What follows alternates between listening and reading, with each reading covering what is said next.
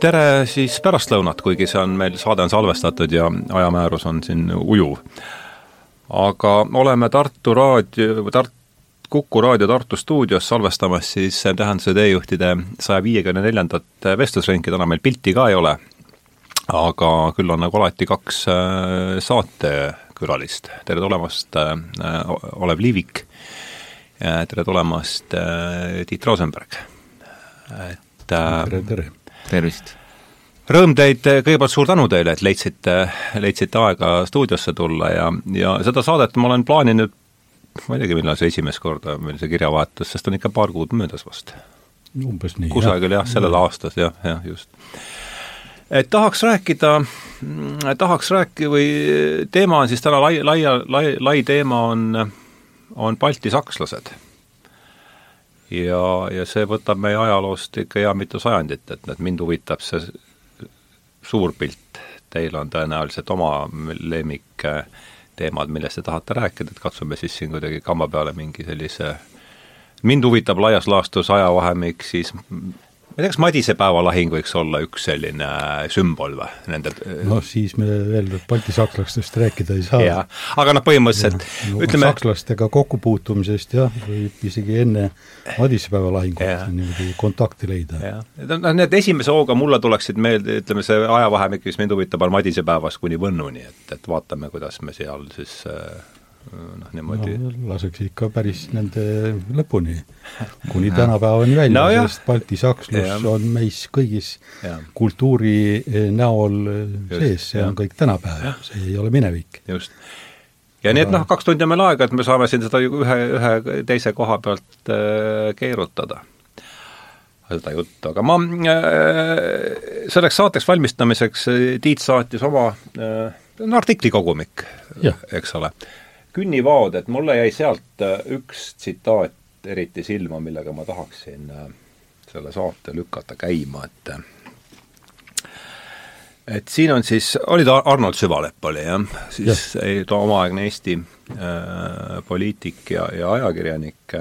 ka ajaloolane. ka ajaloolane jah, ahah. nii mm. -hmm jah, ja ta oli siis Kuno Süvalepp siin enne vestlust, Kuno Süvalepa isa, kes oli samaaegne näit-, näit-, näitleja, keda ma veel jah, mäletan isegi. aga lihtsalt lükkan ta käima, et mingigi, mingigi noh, jutupunkt alustada, kus ta siis käima lükata, nii et äh, loen siis ette tsitaadi Tiit Rosenbergi raamatus Künnivaat, kus ta siis omakorda tsit-, tsiteerib äh, Arnold Süvaleppa iga koos, kooselu, koosolekukene oli siis rahvarikas kui väike laot. ruumid olid viimse võimaluseni täis kiilutud, nii et kõneleja, kõnelejal sagedasti tuli nelja seina vahelt lahkuda ja kõnelda laeva, lahtise taeva all. kõnelejat oodati tundide kaupa, oli isegi juhuseid, kus rahvas juba hommikul kokku tuli ja kõnelejat õhtuni ootas niikaua, kui kõneleja kõigest muus rääkis, niikaua kui kõneleja kõigest muust rääkis, oli see, oli see siis riigi põhiseadus, maksud või haridus, riigikaitse või, või sotsiaalküsimus, kuulati teda nagu õpetajat kirikus. kannatlikult, kuid ilma erilise huvita. niipea, kui puudutati maaküsimust, siis käis kui elektrisäde läbi kuulajate. tähelepanu muutis kahe, muutus kahekordseks, oli kui jõuluevangeelium, mida kõneleja huultelt neelati. Maaküsimus oli kaua põlenud rahva hinges nüüd leidis see lõpuks väljendust. iga koosoleku lõpul üritses kõnelejat siis kui raudvõru, kus igatsevad silmad ja paluv suu ootasid vastust küsi-, ootasid vastust küsimusele, mis kui rahed, mis kui rahed kaela sadasid kõnelejale ja mis puudutasid ikka ja ikka ainult kohalikke olusid. millal jõuavad maakorraldajad kohale? et see annab sellise, minu arvates sellise hea emotsionaalse või mingi sellise no annab edasi mingi atmosfääri. Ähm, jaa, noh see hakkame oli, seal, mis, mis on taust? see oli tuhande üheksasaja üheksateistkümnenda aasta äh, enne äh, jüripäeva umbes äh, enne Asutava Kogu valimisi mm. -hmm, üheksateist, jah. ja samal ajal taustal käis ju Eesti Vabadussõda. ja muidugi rahvas ootas, äh, millal siis äh, otsustatakse riigi, äh, tähendab, Asutavas Kogus ära siis Äh, maa küsimus mm. -hmm. ja see puudutas ju suuremat osa meie rahvast, kes elas maal, talupoegkond, kes sel ajal moodustas noh, umbes kuuskümmend protsenti kogu, kogu rahvastikust mm. -hmm. ja kui võtta juurde veel tema linnas olevad sugulased, siis see maa küsimus oli oli ikka väga oluline. eriti nende eh, jaoks, kellel seda maad ei olnud mm -hmm. või, või kes eh, seda ei omanud, noh, mingil määral eh, kasutati ikka niimoodi.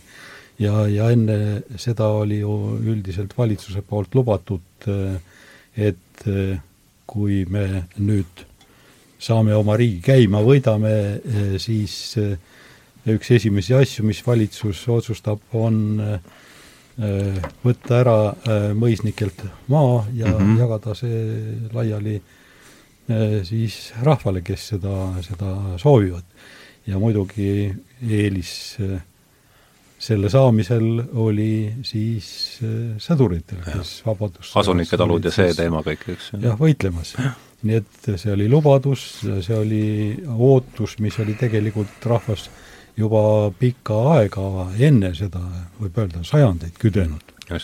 no üks osa oli küll tänu äh, siis üheksateistkümnenda sajandi äh, keskpaigast alanud reformidele mm, -hmm. no talude ostmine, niimoodi oh. talud äh, saanud, üks osa olid nad suutnud ka välja osta mm, -hmm. ehk kõik need ostuvõlad ära tasuda, aga tavaliselt võttis ka nende äh, talude eest eh, ostuvõla tasumine mõisnikule ja pankadele eh, ikka vähemalt ühe inimpõlve jagu mm -hmm.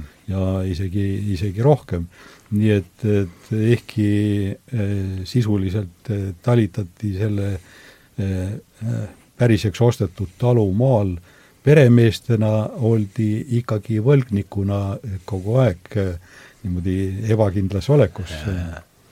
nii et see jah maa küsimus oli üks äh, kõige selgepiirilisemaid Eesti-Saksa vastuolu väljendusi mm. -hmm. sinna jooksis ja, see kokku lõpuks kõik see asi, eks? siin oligi see Eesti ja Saksa äh, vastuolude äh, nii lahinguvälja esimene joon mm. -hmm. nojah, et praegu Tiit ütles selle Eesti poole ära, et Saksa poolelt oli see samuti väga oluline, et otseselt ju ta äh, puudutas võib-olla mõnda tuhandet inimest, kes mõisatega seotud oli, niimoodi otseselt nende omanikud või perekonnaliikmed, aga aga kuna aadel või maa-aadel su-, suhteliselt suures osas ka baltisaksluse kultuuri ja ühiskonnaelu üleval pidas, siis puudutas ta tegelikult eh, pra-, praktiliselt iga inimest, kes ennast baltisakslaseks või sakslaseks pidas mm. -hmm ja, ja kui siin oli juttu, et mida nagu eestlased ootasid ja Lätis siis lätlased, siis mida ootasid sakslased, sakslased näitasid ju ka valmidust teatud kompromissideks, aga nende huvi oli võimalikult vähe kaotada mm. -hmm. et see on üks niisugune baltisaksluse niisugune võib-olla selline eh, hoopis laiem postulaat, et sellest võib eh, pikemalt rääkida igasugustes niimoodi poliitilistest tõmbetuultes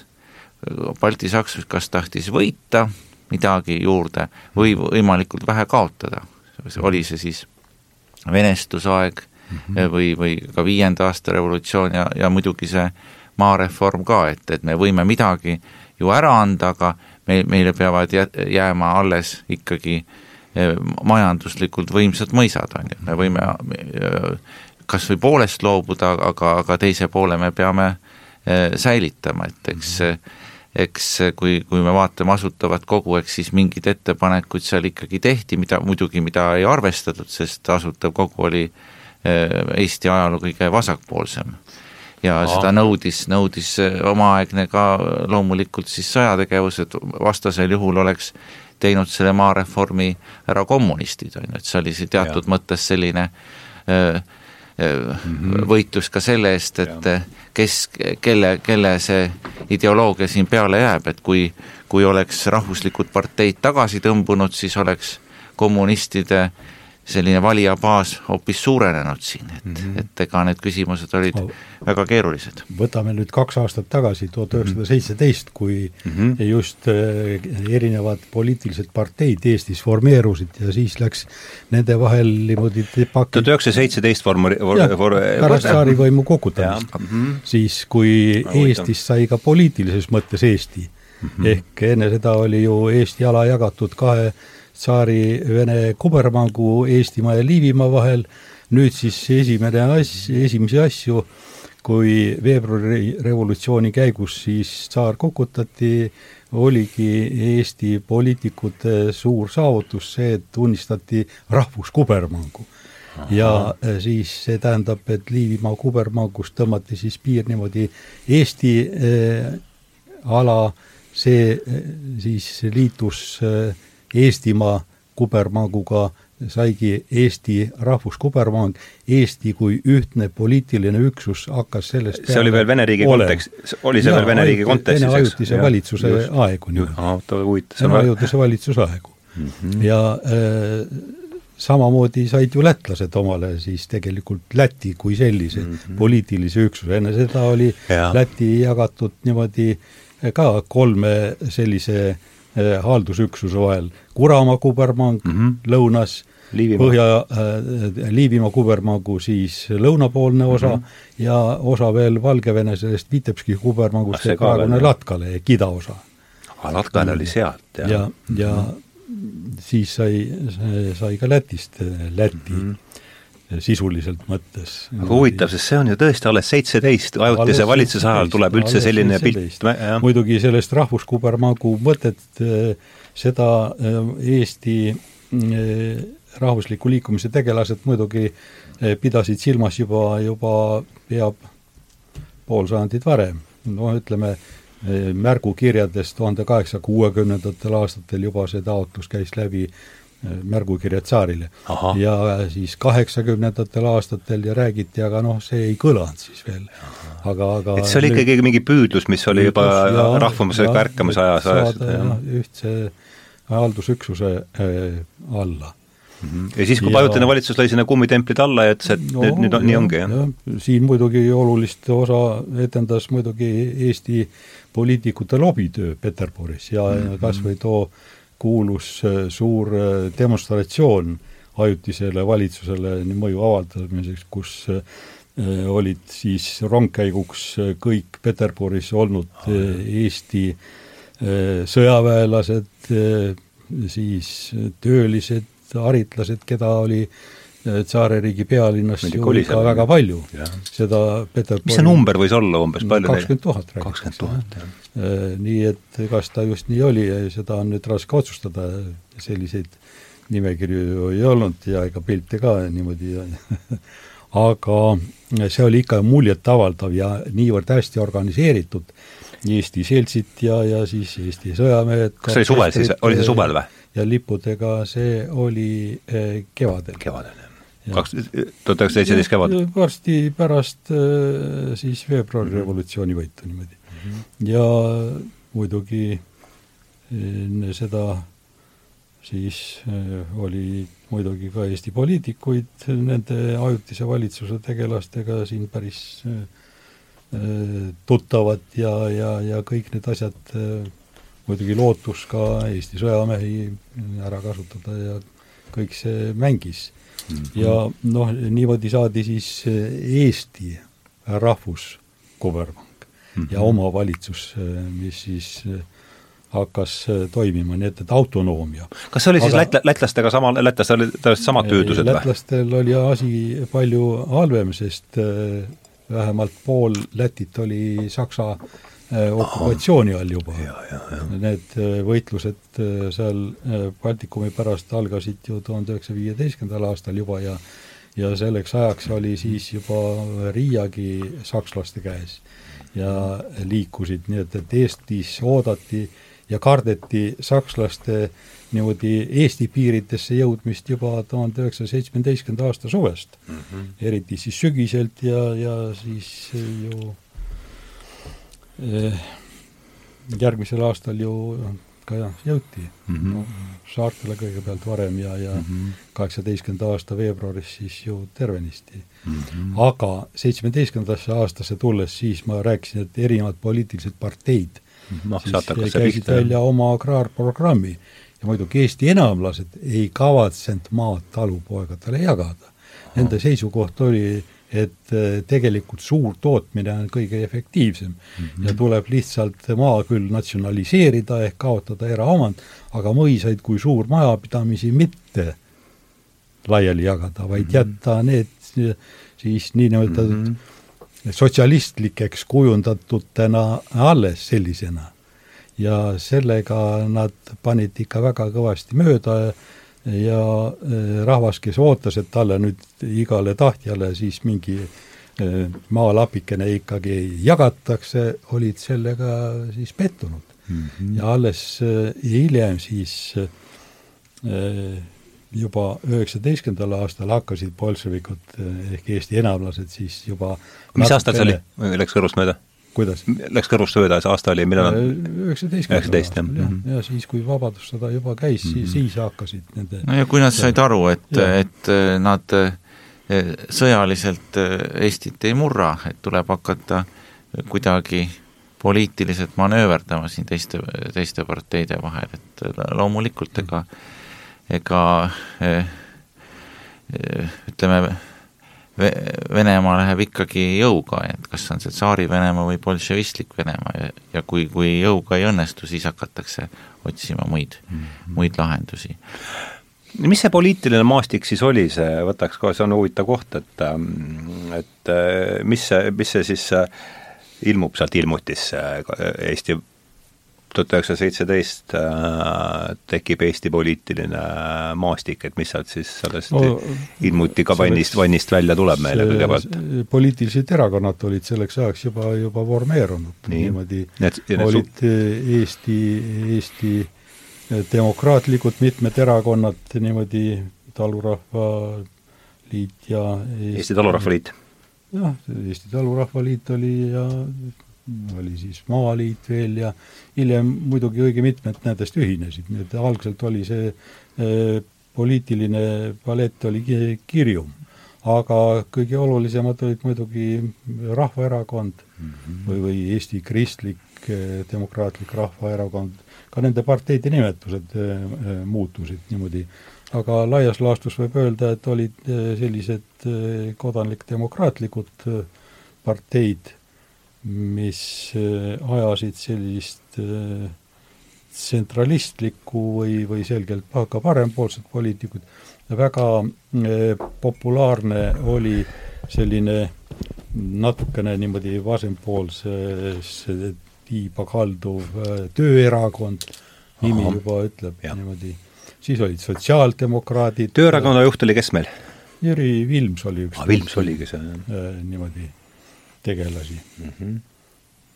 ja äh, sotsiaaldemokraadid, noh, sotsialiste oli ka õiget äh, mitut masti mm. -hmm. no aga see Kristlik-Demokraatlik Rahvaerakond, kes seda juhtis? kuidas? Kristlik-Demokraatlik Rahvaerakond, kes seal no, Tõnisson, Tõnisson ja, ja siis oli seal veel teisi tegelasi, no Jaan Tõnisson tegelikult esimese poliitilise erakonna lõi tuhande üheksasaja viiendal aastal mm, -hmm. mis jõudis siis ka vormistada ja see oli Edumeelne Eesti Rahvaerakond uh. -huh.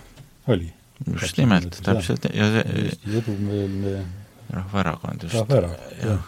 see on tuhat viis, see on tuhat, tuhat üheksasada viis juba? tuhat üheksasada viis. juba, jah teised äh, sotsialistlikud olid põrandaalused, need, nemad nagu ametlikult seda tegevusluba ei saanud, aga see oli mhm. legaalne.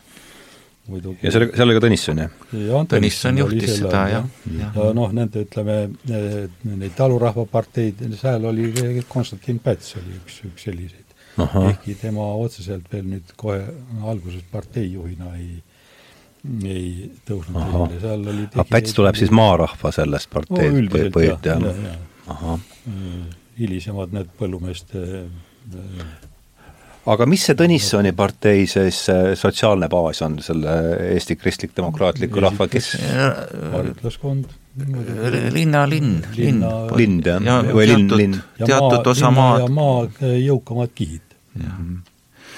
Jah, ütleme siis, ega Pätsil oli üsna raske ennast alguses ka poliitiliselt määratleda, sellepärast et noh, selle Maaliidu programm oli, oli väga suurele osale Eesti talurahvast küllaltki vastuvõetamatu, sest nagu Tiit ütles, et suurem osa Eesti maainimesi oli, neid oli nii vähe, suurtalunikke, enamus eestlasi maal olid ju maata mm. -hmm. ja, ja ega kui me räägi-, tuleme sinna maa, maaseaduse juurde tagasi, siis ja üldse seda, see ütleme, Asutava Kogu valimiste võitlusesse ja nii edasi, siis paremerakonnad said ju Asutavas Kogus väga vähe hääli, sellepärast et nende äh, maaprogramm oli, oli, oli äh, liiga konservatiivne suurel osal eestlastel. ei lubanud kohe ja palju Ja, selles oli niimoodi ja nad oleks jäänud äh, maa kasutajaks, rentnikud, see oli, tähendab, Pätsu maaprogramm oli tegelikult juba, juba viiendal aastal üsnagi hästi sõnastatud, ega ta ei, ei, ka tollal nägi äh, vaatas Euroopas, maailmas ringi, ta pigem oleks tahtnud näha mingisuguseid re, re, rendi, renditalusid, mitte et mm. tulevikus põhiline küsimus oli ikka see, et ei, ei, ei pihustataks ära liiga maaomandit. ma arvan küll, et oli üks, üks eesmärk ja oli. ega Tõnissongi oli selles mõttes üpris äh, ettevaatlik mm. -hmm. juba tuhat üheksasada üksteist, tuhat üheksasada kaheksa, tuhat üksteist, kus ta ütleme, maaküsimuse äh, asjas sõna võttis, siis äh, Äh, leidis ta, et äh, mõisaid tuleb äh, jah,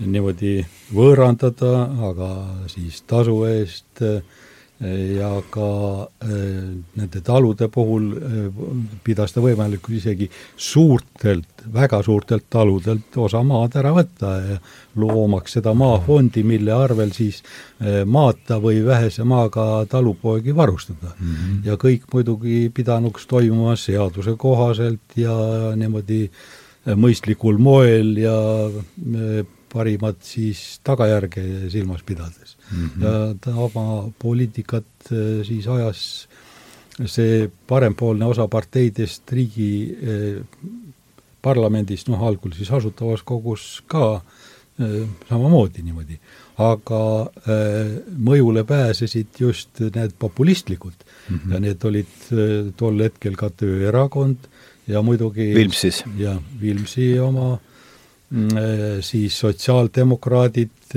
noh, laias laastus sotsiaaldemokraatiast rääkides ju see oli siis veel vana selle äh, Vene ja Nõukogude selle malli järgi vähemlased ja enamlased. Äh, tegelikult need vähemlasteks nimetatud olid, olid enamuses, Eestis vähemalt niimoodi mm, -hmm. ja enamlased olid vähemuses, aga no nii on see kujunenud. Äh, kes siis olid, siis olid muidugi veel esseerid, ehk sotsialistid, revolutsionäärid, see on siis äh, Vene malli järgi sündinud partei tuhande üheksasaja viiendal aastal.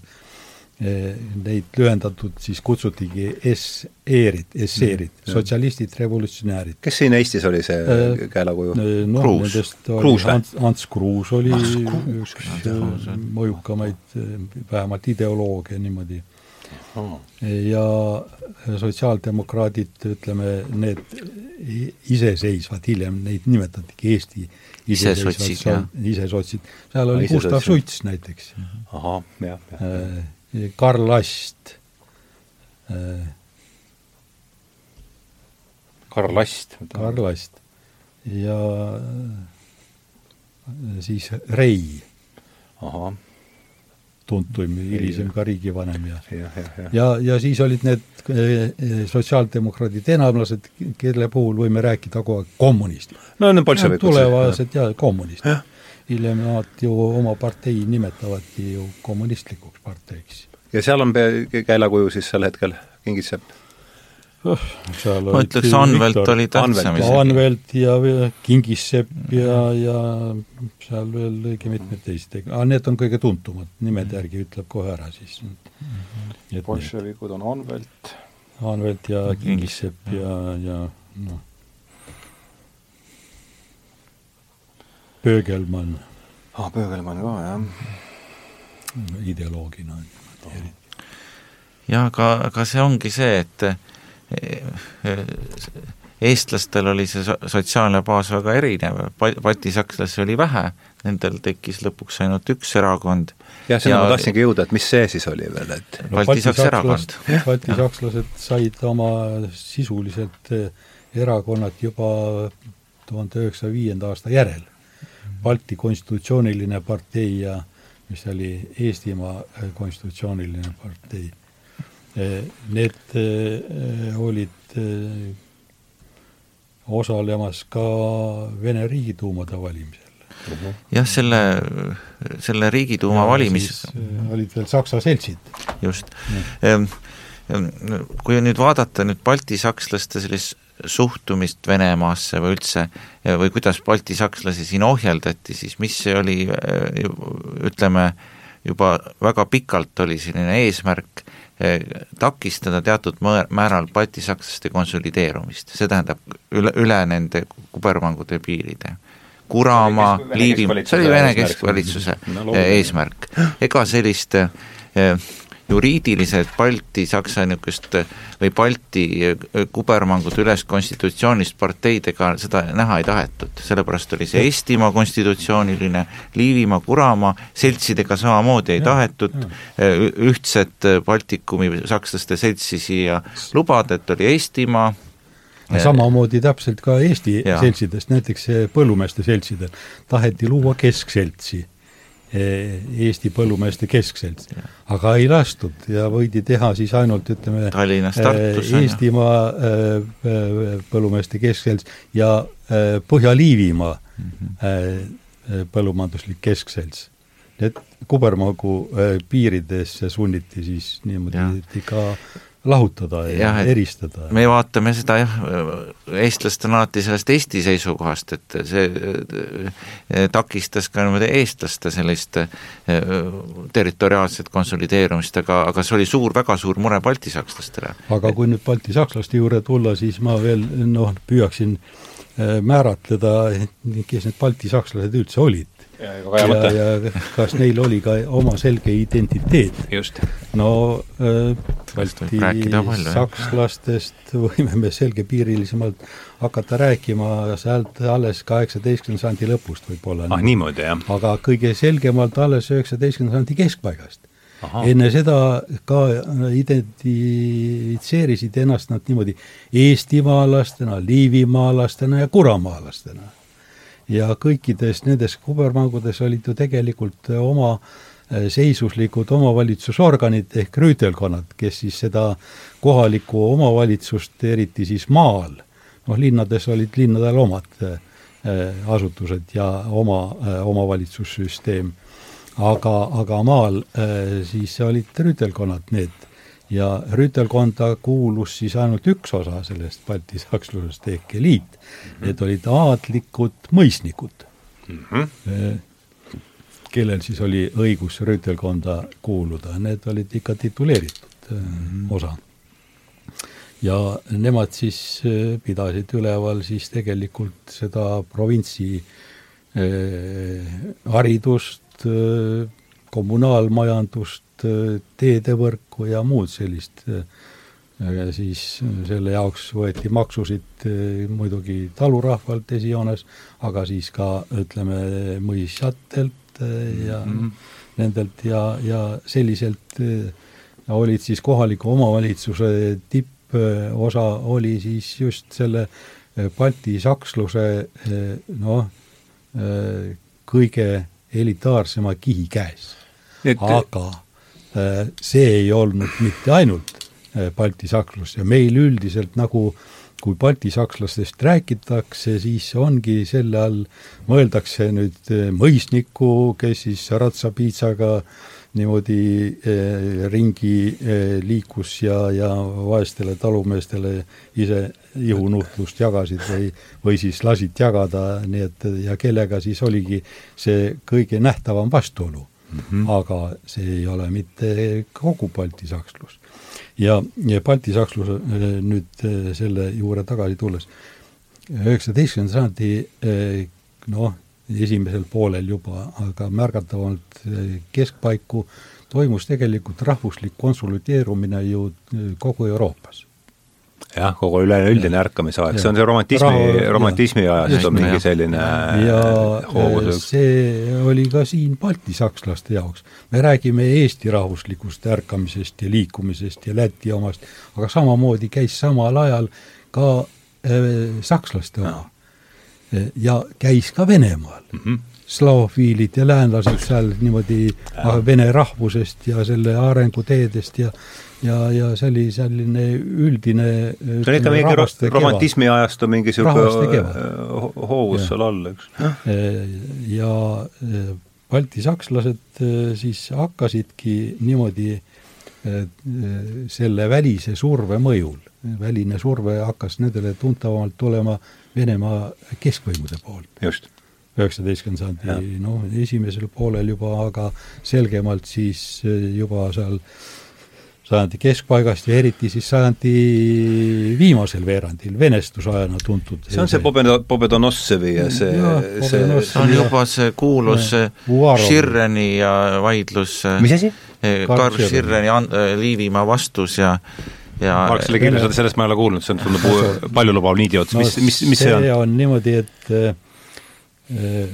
üheksateistkümnenda sajandi kuuekümnendatel läks Vene enda ühiskonnaski äh, vaidlused küllalt teravaks äh, tulevase Venemaa arengutee üle, kas äh, oma eripärast slaavi teed minna või siis läänelik. aa, see on see slavofiilide ja läänlaste? ja läänlaste mm -hmm. niimoodi. ja muidugi slavofiilidele hakkas vastu ka siin Balti erikord ja, selline e, eristaatus mm -hmm. Vene riigi sees. ja hakati üha enam ründama. ja, ja seda enam, mida ütleme, Saksamaal endal toimus selline e, konsolideerumine, mis viis välja siis e, Preisi Prantsuse sõjani ja ja Preisi ja Austria sõjani, kus siis lõpuks konsolideerub välja Saksa riik tuhat kaheksasaja seitsmekümnendast aastast. ja, ja see eh, suur eh, ühtne Saksa riik hakkab muidugi Vene valitsuse jaoks tõsist muret valmistama. ja, ja kardetakse ka siis Aa, see muudab suhtumise Balti jaokalisse, jah? Saksa äh, kultuurilise mm -hmm. Balti provintside jah, just, Saksamaa keisririigi moodustamine muudab tõenäoliselt suhtumist, eks. järjest kahtlustavamalt hakatakse siinseid arenguid ja tegelasi selles Saksa separatismis süüdistama. ja, ja siis äh, tekibki sellel pinnal selline terav äh, arvamuste vahetus ja siis äh, vastasseis kahe nimeka mehe vahel Vene poolelt äh, on siis lauaviilide üks liidreid Juri Samarin. Juri Samarin? Juri Samarin, äh, kes äh, tundis Balti olusid päris hästi, ta oli siin tuhande kaheksasaja neljakümnendatel aastatel ühe Vene komisjoni koosseisus olnud Riia asju klaarimas. ja siis tema äh, esindas neid vene slaavviile, kes leidsid, et siinne kord eh, ei sobi Vene riiki enam. ja samamoodi, et rõhutakse siin eh, eestlasi ja lätlasi, kes eh, selleks ajaks olid ka päris olulisel määral näiteks usku vahetanud, vene õigeusku läinud mm. -hmm. ja, ja nagu astus välja ka ütleme, siinse talurahva kaitsjana Balti või Saksa parunite voli vastu ja mm -hmm. siis sellisele eh, ründele vastas omalt poolt tollane Tartu Ülikooli Vene ajaloo professor eh, Karl Schirren. Karl Schirren. Karl Schirren. nii et vaidlus oli siis ja, Samarini ja Schirreni vahel? ja, ja kes kirjutas siis brošüüri pealkirjaga Livlendis Antwort ehk Liivimaa vastus, milles ta siis süüdistas omakorda see oli Schirrenide kirjutatud? Jah, ja see on väga kõnekas pealkiri, see Li näitab liivi, seda, see, see ongi see nagu, tule, tullakse tagasi sellele kuldajastu juurde, eh, selle vana Liivimaa ju, et, et see võetakse, tegelikult see Liivimaa eh, ju poliitiliselt oli tollal ainult see üks kubermaa, aga tema võttis selle, see oli nagu selles mõttes, teatud mõttes ka provotseeriv, on ju, me räägime, Venemaa räägib, et meil on Kuramaa, Liivimaa, Eestimaa kubermangud, aga tema äh, ülbelt ütleb Liivimaa vastus, on ju, räägib sellest uh -huh. Liivi sõja eelsest ajast, sellest, mis on Balti-Saksa selline ilus kuldaeg. ja, et kui me räägime siin mhm. muistsest vabadusvõitlusest, siis baltisakslaste üks selline ilusamaid aegu oli, oli Vana-Liivimaa, kus oli see poliitiline üks, sisuliselt üks üksus, mitte, muidugi mitte, no, no jälle, detailides me võime rääkida piiskopkondadest, aga ordu ja piiskopid ja aga, see on siis enne Härgme, enne Härgme lahingu enne, enne jah, selles mõttes ka va veel varasemalt. ma räägin enne, enne, enne, enne Härgmet siis no, see, see olukord. see oli see, mis, mis kujunes siis ristisõdade mm -hmm, ja vallutuse järel, niimoodi see oli siis jah, konföderatsioon. Mm, -hmm, erinevate siis Saksa noh, nende väiksemate eh, noh, riigikesteks võime nimetada, nende, nende ühendus.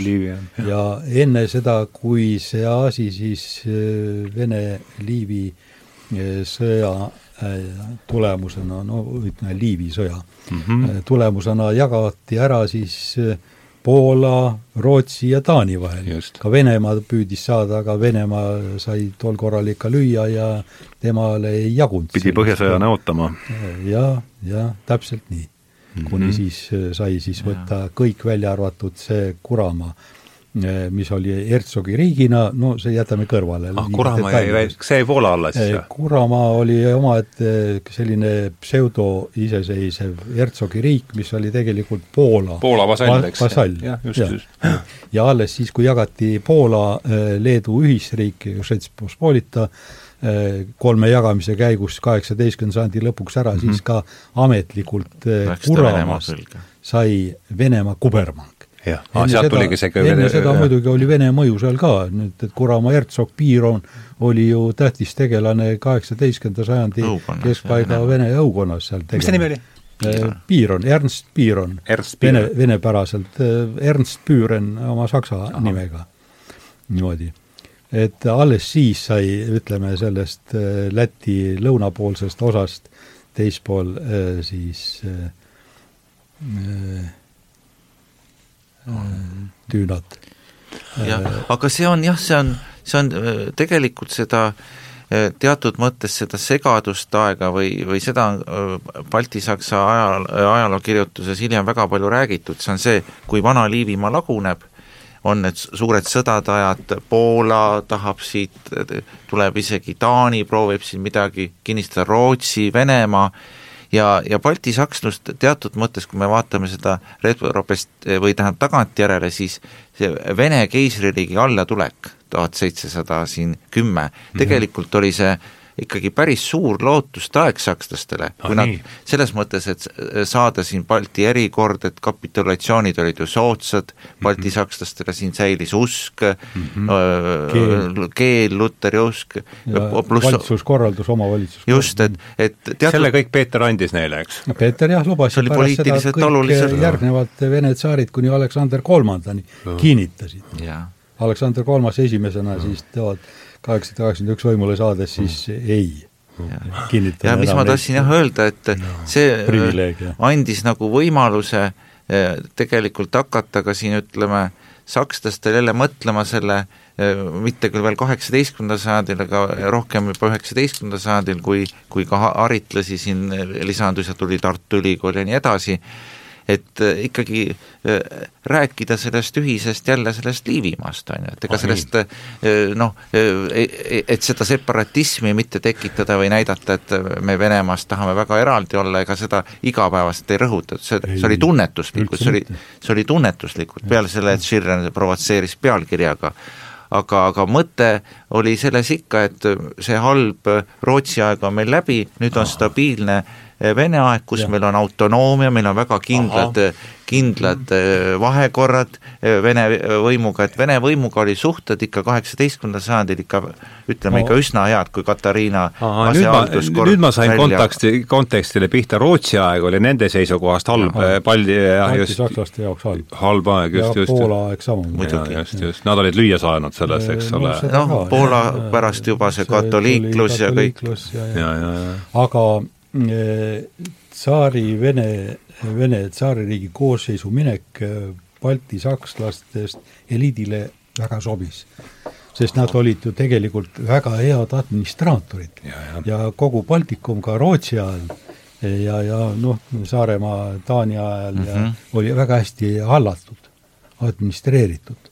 ja, ja ka tsaariaja lõpuni. see äh, oli Vene riigi jaoks äh, väga odavalt äh, hallatav osa.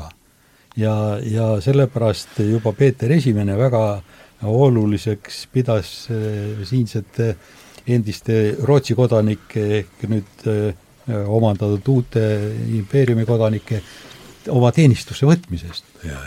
sõjaväelastena, riigiametnikena, nad tegid väga head karjääri mm -hmm. ja hõivasid tegelikult juhtpositsioonid mitte ainult Vene armees, vaid ka Välisministeeriumis, postiteenistuses, kus üle poole äh, vähemalt äh, kõrgematest ametikohtadest olid täidetud siinsete kubermangude Äh, aadlikega mm -hmm. ja väga paljud ka teenistuses äh, äh, said Vene tsaarilt siis nii maid kui ka tiitleid mm. -hmm. nii et kui vaadata siis seda Vene armeed näiteks ja laevastikku, siis see on mitmeid-mitmeid kordi nende kõrgema ohvitserkonna koosseis ületab rahvuslikke tegelikke proportsioone. jaa, kuna Tiit nii ilusti rääkis praegu siis mul tuli kohe meelde Mot-, üks hea raamat on Karl Mottanderi Parunid, eestlased ja enamused, seda peab igaüks lugema. Karl Mottander? jaa, see on selline raamat, see on must be raamat. Karl Mottander oli ja. rootslane, kes siis ajakirjanik aga ta lõi vabadussõjas ka ise siin eh, kaasa ja oli abielus ühe eh, siis Frangeliga. Eh, jah, baltisaksa aadli daamiga ja siis mm -hmm. see... öelge palun raamatu nimi ka. parunid, eest, eestlased ja enamlased. parunid, eestlased. parunid, eestlased ja enamlased. jah, ja, ja, ja nagu, nagu kohe haarates siin sõnasabast kirjutab ka Motander siin Eh, Aadli valitsus, eriti Eestimaal, oli arvatavasti Euroopa kõige odavam valitsus. Ja ta toob ka eh, põhjused, sellepärast et aadel eh, valitses seda provintsi, ütleme niimoodi, see oli nagu dualism natuke Vene keisriga, auametitena rüütelkonna peamees, ta ei võtnud ju selle eest palka, maanõunikud, et ainult kantselei töötajad said palka. et äh, igal pool hakkas sellel ajal juba arenema selline moodne administratsioon, kus olid riigi, riigiametnikud. kafkalik see just, just täpselt nimelt. Liivimaal natukene mm. siiski oli rohkem seda. ametite eest nad said hüvitist. aga, aga Eestimaa oli eriti klassikaline see põhimõte oli, et, et see oli Äh, kodumaa teenistus, Heimatdienst saksa keeles. ja seda rõhutab eriti teine väga hea, ütleme, mälestuste raamat, mis eesti keelde kahel korral tõlgituna ilmunud, ta on viimase Eestimaa rüütelkonna peamehe Eduard von Tellingshauseni kodumaa teenistuses. Tellingshausen, jah? Tellingshausen, jah. Eesti keeles olemas, jah? jah, kahel korral on ta siin avaldatud tuhande üheksasaja üheksakümne teisel aastal esimest korda ja siis kodumaad teenimas, jah? kodumaa teenistuses. kodumaa teenistuses, kodumaa teenistuses., Eestimaa rüütelkonna peamehe mälestused. väga huvitav. Eesti eh, keeles eh, siis kahel korral.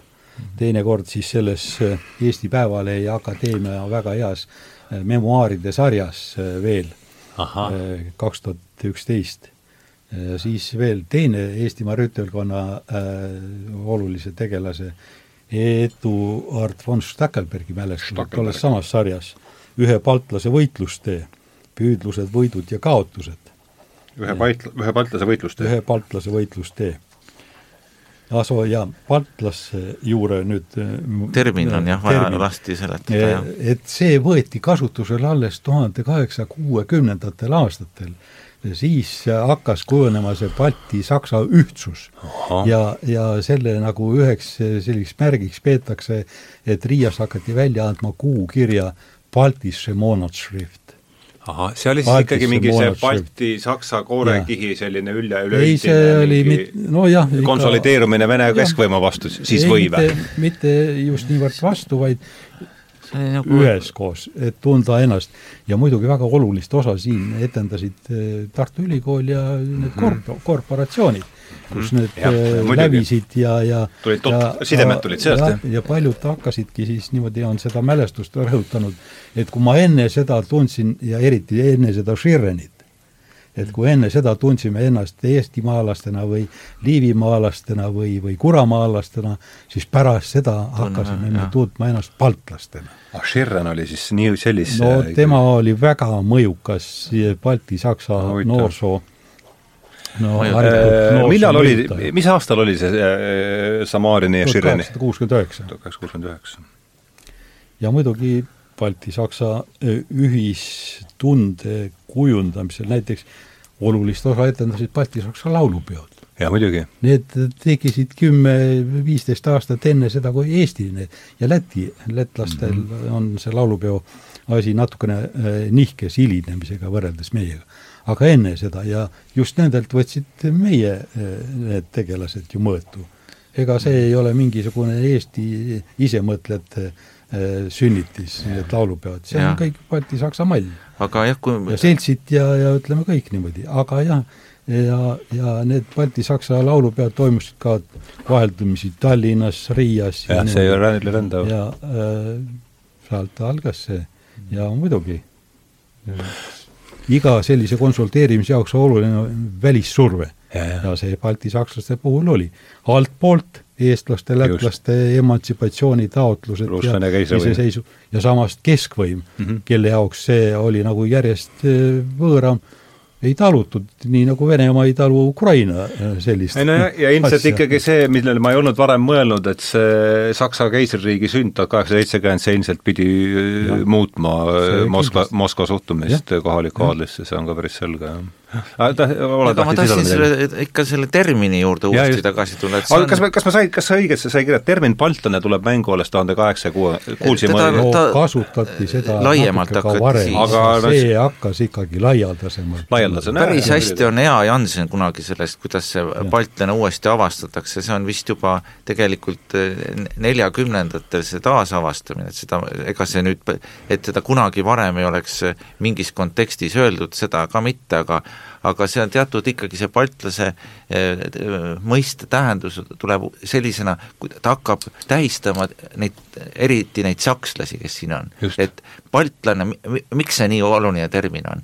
et eh, nad ei räägi eh, igapäevaselt, et nad on sakslased, nad on baltlased mm. -hmm. ja, ja saksa keeles on ka hiljem vaja teha vahet terminil, meie räägime ainult baltisakslased mm, -hmm. mis on, nagu ütlevad, et nad on öö, öö, sakslased, kes on Baltikumist pärit, aga sakslased ise, baltisakslased ei taha öelda, et nad on äh, baltische Deutsche, nad on mhm. Deutsch-Balten, et nad on nagu saksakeelsed baltlased, et nad ei olegi mm -hmm. nagu õieti sakslased, nad on, nad on baltlased, kes, kes on nagu mingisugused ja, saksa sugemetega. muidugi eh, ka nende keel oli siin niivõrd palju saanud eh, siinseid kohalikke impulsse, et ah, et see ikka päris olulisel määral erines seal Saksamaal räägitav nädalast mm. -hmm.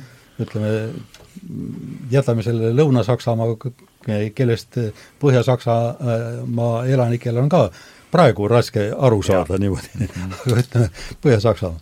ja kui eh, siinsed eh, Balti sakslased siis ütleme, selle umbsiidlungi ümberasumise käigus siis muidugi ka seal tekkisid kohe sellised võõrandumismomendid niimoodi -hmm. ja, ja seda balti-saksa omapärast keelt on ju uuritud ja uuritakse siiani meil mhm. Tartu Ülikoolis, üks minu eh, kaasjuhendamisel doktoritöö kaitsnud äh, äh, Reet Bender, kes on ka väga head tööd tegemas praegu selle balti-saksa kultuuri ja keele uurimisel ja mm, -hmm. ja tõlkijana ja muud, on seda uurinud niimoodi.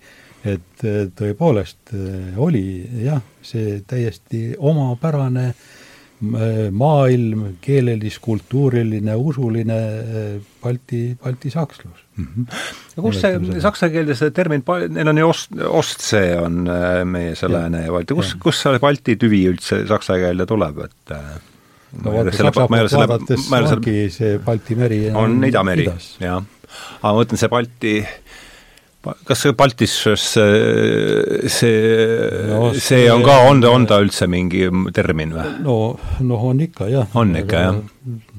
see on rohkem Vene-poolselt kasutusele võetud. Balti, eks ole, jah, jah, ja. ja see on jah, just, just, jah, jah. Baltiiskaja Mooria. Baltiiskaja Mooria, just nimelt, jah aga nüüd selle baltisaksluse juurde veel mm, -hmm. selle sees oli ju veel ka väga erinevaid eh, osiseid mm. -hmm. eristati riigisakslasi need, kes olid värskelt Saksamaalt tulnud, mitte siin kohaliku päritolu, siin sündinud, jah, kas või teises põlvkonnas juba muutus ikka baltisakslaseks niimoodi. ja eristati siis neid, kes olid Saksa riigi kodanikud. Need, neid nimetati riigisakslasteks ja seda veel ka kahekümnendal sajandil kuni Teise maailmasõjani olid ikka vahetegemine, kas kohalik sakslane või riigisakslane. riigisakslane, riigisakslane oli siis veel kord, oli Saksa riigi alam? Saksa riigi alam, jah. mitte ja. siis äh, Need Vene keisri siin Vene keisririigi või siis hiljem Eesti ja Läti Vabariigi kodanikud. niimoodi. ja siis äh, võime rääkida veel, ütleme, suurtest sakstest ja väikestest sakstest ehk väikesakslased, väikesed sakslased mm, -hmm. Kleindeutsche ah, Kleindeutsche. Kleindeutsche, eh, sest peale mõisnike, pastorite, linna äh, eliidi, pürilite ja kaupmeeste, niimoodi tsunfti käsitööliste, oli ju veel ka lihtsad saksa inimesed mm, -hmm. kes olid ka siis noh, eriti kaheksateistkümnendast sajandist see sisseränne siia tuli ja kes olid nii maal kui ka linnas. linnas siis no, käsitöölistena, maal ka liikusid ringi käsitöölistena ja mõisaametnikud. Need mm -hmm. on siis niinimetatud saksa keskklass mm. -hmm. oli ka, oli sakslaste hulgas ka päris vaeseid.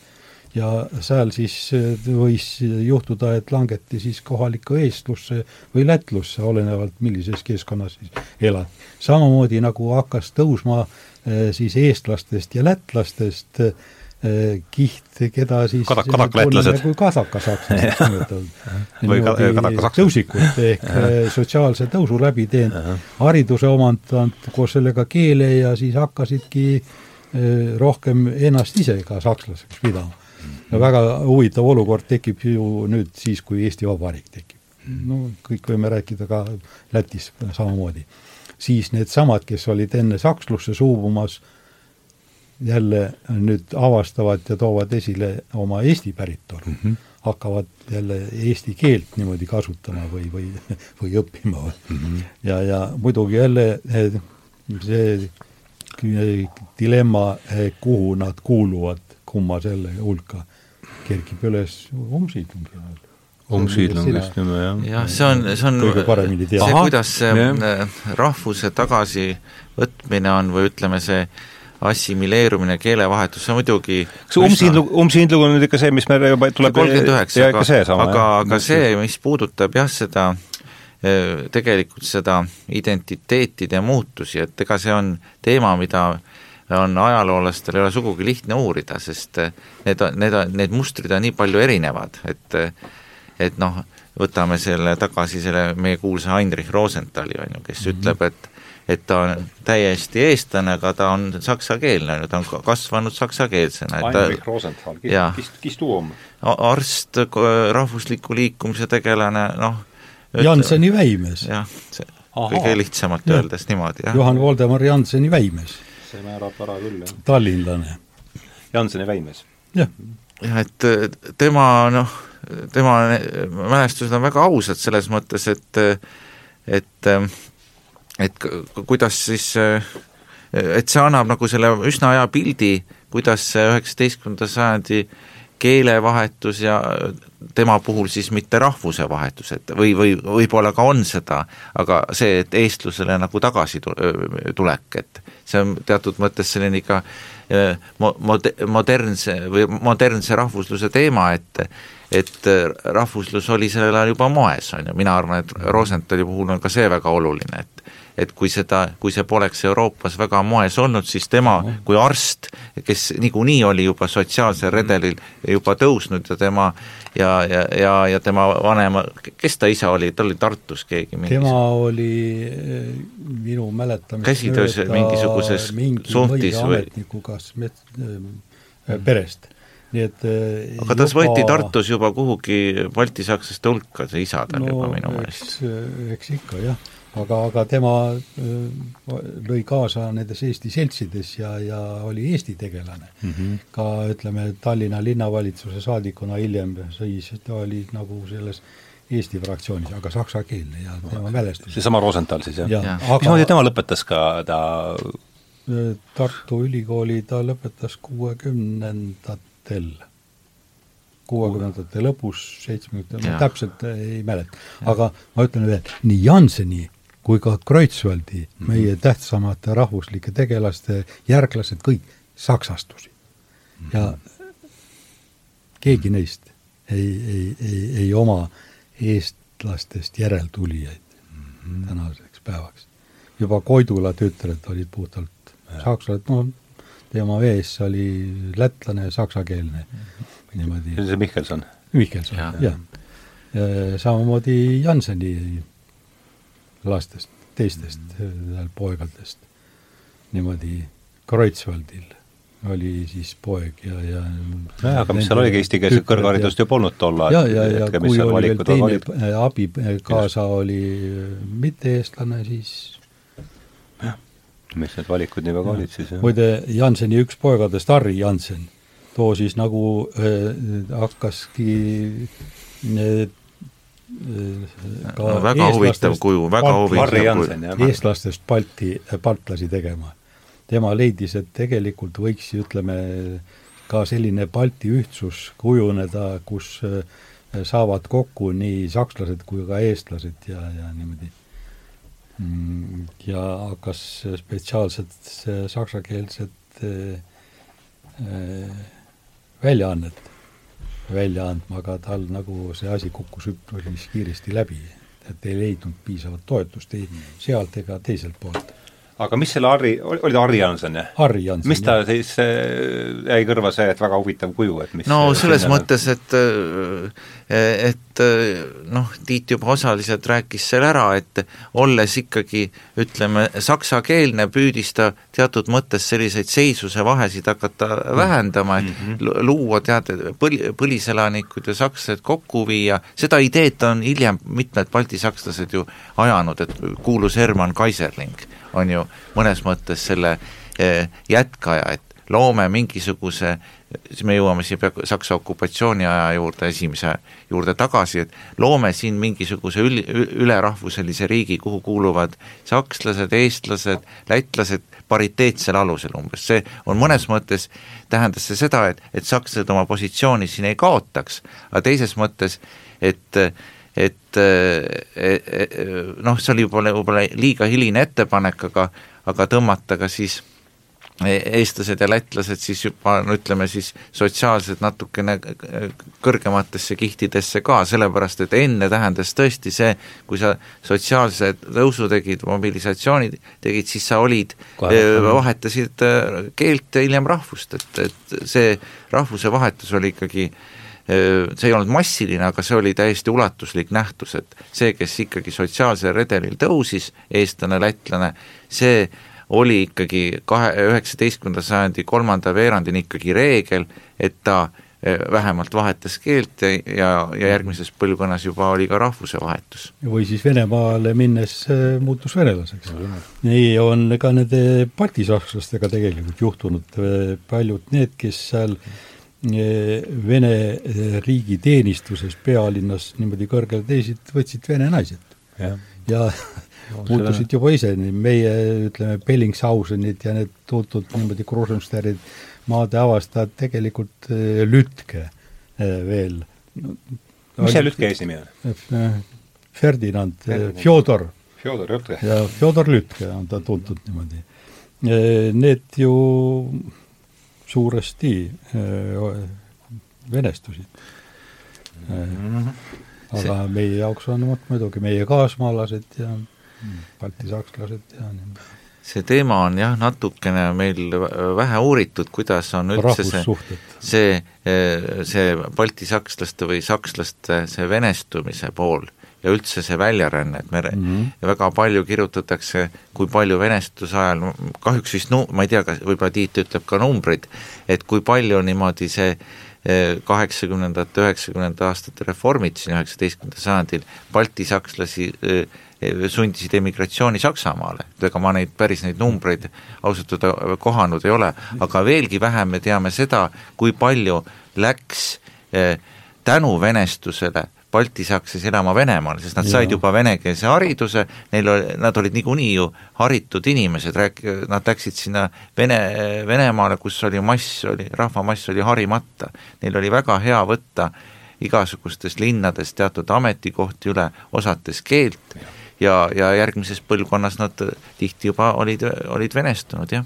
ma võin mõned arvud siia tuua ja. nüüd selle Balti saksluse eh, taha tuhande kaheksasaja kaheksakümne esimesel aastal viidi eh, siin Balti kubermangudes läbi esimene Balti rahvaloendus.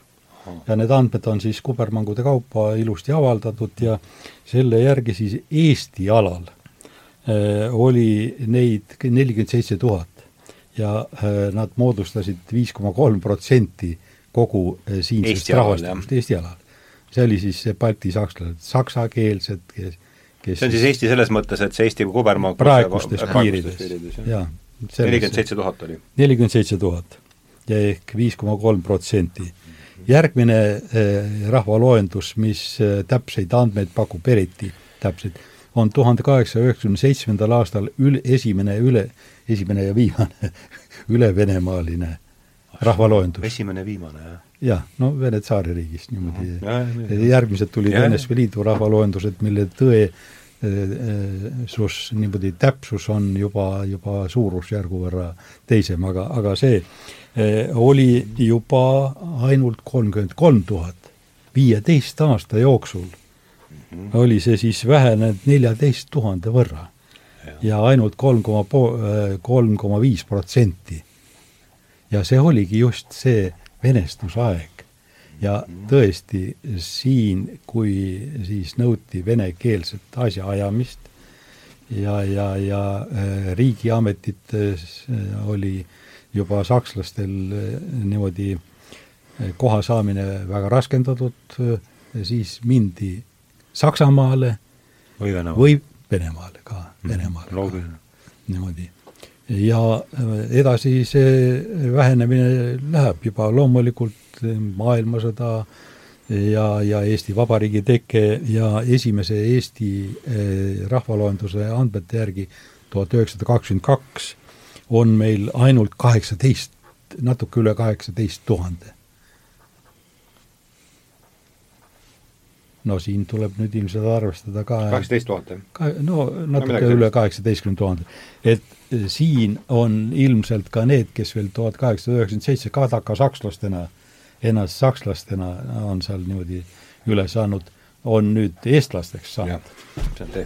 aga noh no., siiski äh, läks ära ju väga palju Saksamaale ja, ja, ja ja mujale rännati välja, mitte ainult Saksamaale, mindi ka näiteks Ameerikasse, Lõuna-Ameerikasse, eriti siis äh, järgnevatel kahekümnendatel, kolmekümnendatel aastatel.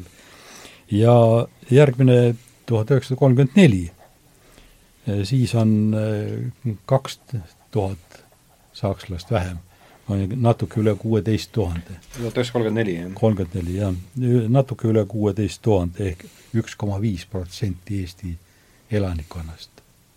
no see on see üks koma viis? üks koma viis, jah. see on Nii see Balti sakslus. ja eriti eh, kahanes siis maal, sakslaste arv maal eh, kahanes siis eh, üheksateist sajandi lõpu sellega võrreldes eh, üle viie korra mm. -hmm. linnades noh, kaks pool korda. Ja see on just see maal toimunud maareform, mis suuresti niimoodi mm -hmm. seda kahandas. aga mismoodi nüüd, kui meil vaadata siin eh, Eesti Vabariik jäi siis baltisakslaste partei jäi alles, ma saan aru? jah, kuni Päts ju kõik parteid tuhande üheksasaja kolmekümne neljandal aastal no praktiliselt äh, tegevuse ahah, äh, vormiliselt ta asutati muidugi uuesti, kui, kui, kui neid äh, pärast Saksa okupatsiooni aega sai registreerima hakata, sest ega Saksa okupatsiooni ajal tuhat üheksasada kaheksateist siin ju formaalselt nüüd parteisid eksisteerida ei lubatud, et ma, ega see Eesti ja, ja Läti see saatus oli ka nii, nagu ta oli, et sellest Hertsogi riigist ja, ja, ja Saksa okupatsioonist võib täiesti eraldi saate rääkida, aga mm -hmm. ega see küsimus oli ikkagi üsna, üsna ebakindel, see tulevik, ega baltisakslased oli, nõudsid tollel ajal palju kiiremaid otsustusi Saksa keisririigilt, neid protsesse, aga aga erinevatel põhjustel need nii kiiresti ei läinud, kui nad tahtsid, aga aga kui, kui Saksa okupatsioon lõppes siin kaheksateistkümnenda aasta novembris, siis loomulikult registreeriti see partei uuesti sa-, Saksa või Saksa parteina Eestis, sellepärast et juba näidata selle, seda, et sakslased on valmis noore Eesti Vabariigiga koostööle. Mm, -hmm. sest vana eliit pidi kas emigreeruma või, või, äh, või äh, tagasi tõmbama, et ega see sama Tellingshausen, tema läks, sõitis rongiga Riia poole ja sealt juba Saksamaale, ta oleks, vastasel juhul oleks ta tõenäoliselt maha löödud ja halvemal juhul äh, pandud veel võib-olla vangi ka, on ju, mingiks ajaks, et et, et kas oleks ta teinud punased või oleks teinud e-, Eesti rahvuslased, aga nii see kahjuks oleks läinud. oota, tema oli, kes Tellingshausen oli meil viimane, viimane rüütelkonna peamees. viimane rüütelkonna peamees ja ta suri siis Saksamaal või? suri Saksamaal, jah. enne, enne või teist tuhat kaheksasada kolmkümmend kuskil niimoodi. tuhat üheksasada kolmkümmend üheksa. jah. kolmkümmend üheksa. jaa, just ah. päris, päris, ta veel uh -huh. toodi siin Haljalasse veel tema. kas mul on õigesti meeles selles seoses selle Kuramaaga, mul on kogu aeg siin peas, kas see Keller, kes oli see viimane ordumeister, kas tema läks siit Kuramaale selle pärast või? on, on see, oli midagi, mul see Krossi-ist meelde jäänud kuidagi, see, kas tuleb viimane ordumeister kas oligi Kettler? Kettler. Kettler Kettler just Kettler, jah, Kettler ja, ja mitte Keller. tema sai siis selle kura hertsogiks. tema läks sinna, eks ole, siis mul oli kõik, jah, siis on mul õigesti meeles see. Kettlerid Kettler jah, mitte Keller, jah, just, just. kuni Vil-, oli ta Wilhelm või? Vaata ja eesnimi, tal oli mitu eesnimi. jah, seal oli terve joru neid jah, jah, Kot-, Gottliebid ja Gotthard Kettler, eesnimi, see on tal nagu kõige eh, tuntum, jah. tuntum, Gotthard, Gott-, kahe, kahe tõhiga või ühe? kahe tõhiga, aga G-ga, Gotthard Kettler. Kettler, jah. ja, jah. aga eh, jah, eh, kui Eesti Vabariik niimoodi toimima hakkas, siis Balti sakslased ja organiseerusid ja neil oli oma partei Saksa-Balti erakond. Saksa-Balti Saksa Balti erakond kandis sellist nime, jah. ja see osales kõikidel Riigikogu valimistel ja ja neil oli parlamendis omad esindajad. esimeses Riigikogus oli neil neli, järgmises oli kolm ja, ja siis kaks, nii et kahanes niimoodi. aga kahe, kaks Aga... tükki sai veel panna saata sinna siis, jah? kuidas? et kahe, kahe esim-, kahe muidu, ühesõnaga meil vist ei saa ühest parteist olla kaks või? no seal ei olnud seda jah, seda viie protsendi just, just, just, jah Mm -hmm. no li-, linna, nad olid täiesti marginaalne poliitiline jõud siis midagi, mingit riigi tasandil küll no,, omavalitsustes Tallinnas oli neil ikka natuke parem see seis. Tallinna volikogus. kas saab sinna mingi, mingitki, mis see Tallinnas umbes võis olla? no esimestes oli neil seal vaata et kümme-viisteist protsenti isegi, aga no eks see hakkas ka kahanema, et et äh, Tallinna tasandil tegid, äh, tegid poliitilised jõud nendega isegi koostööd, et riigi tasandil loomulikult äh, meie riigierakonnad tollel ajal baltisakslastega nüüd ametlikult koostööd ei teinud, välja arvatud see kultuuromavalitsuse seadusega, noh see oli see, see on niisugune ka jälle teema, millest nii ühesõnaga rääkida ei saa, see on väl-, väga palju ka välispoliitilisi selliseid sügavamaid marrastusi oli seal, et et aga, aga põhimõtteliselt oli me võime öelda, et ta oli, temaga koostööd ei tehtud Eesti erakondade poolt. esindatud ja nad said oma, oma äh, rahvakillu seisukohti seal välja öelda. noh, see demokraatia ongi see on jah. siis niimoodi, et kuivõrd seda kuulda võeti, aga et mingite asjade läbiviimiseks nende hääli nüüd vaja seal nüüd püüda ja seda polnud vaja. sellist asja vist, vist no ei tea sellest. me ei tea seda, Lätis olid nad äh, isegi koalitsioonis mingi aeg, neil oli Lätt, isegi minister riigi tasandil. riigi tasandil. lätlastel oli, Lätis oli muidugi baltisakslasi palju rohkem. Neid Aha. oli seal ikka oma ligi viisteist protsenti elanikkonnast mm. -hmm. eriti siis... ütleme, Kuramaa osas oli sakslust äh, nagu mm -hmm. enam ja, ja muidugi ka nende majanduslikud positsioonid olid tugevamad Riias, tööstus, kaubandus, pangandus, selles. meil muidugi on ka, ütleme, baltisakslaste roll Eesti Vabariigi majanduselus on siiski asi, millest meil liiga vähe räägitakse või ka noh, liiga vähe teatakse, aga nad olid silmapaistvad eh, pankurid, ettevõtjad, töösturid, kes olid siis ka Eesti äh, ringkondadega väga tihedalt tegid koostööd, nii et selles mõttes lojaalsed mm. -hmm. Klaus Scheel, pankur ja ettevõtja, siis äh, äh, see mööblitööstur mm, Lutter. Lutter ja veel mitmed teisedki. Rosenid seal selle pangakontori sellena ja Siin nii et, et see on jälle üks selline huvitav, huvitav teema, äh, millest äh, senini ei ole just kuigi palju eh, eh, osalt teada ja osalt eh, ka sellest kirjutatud, räägitud mm.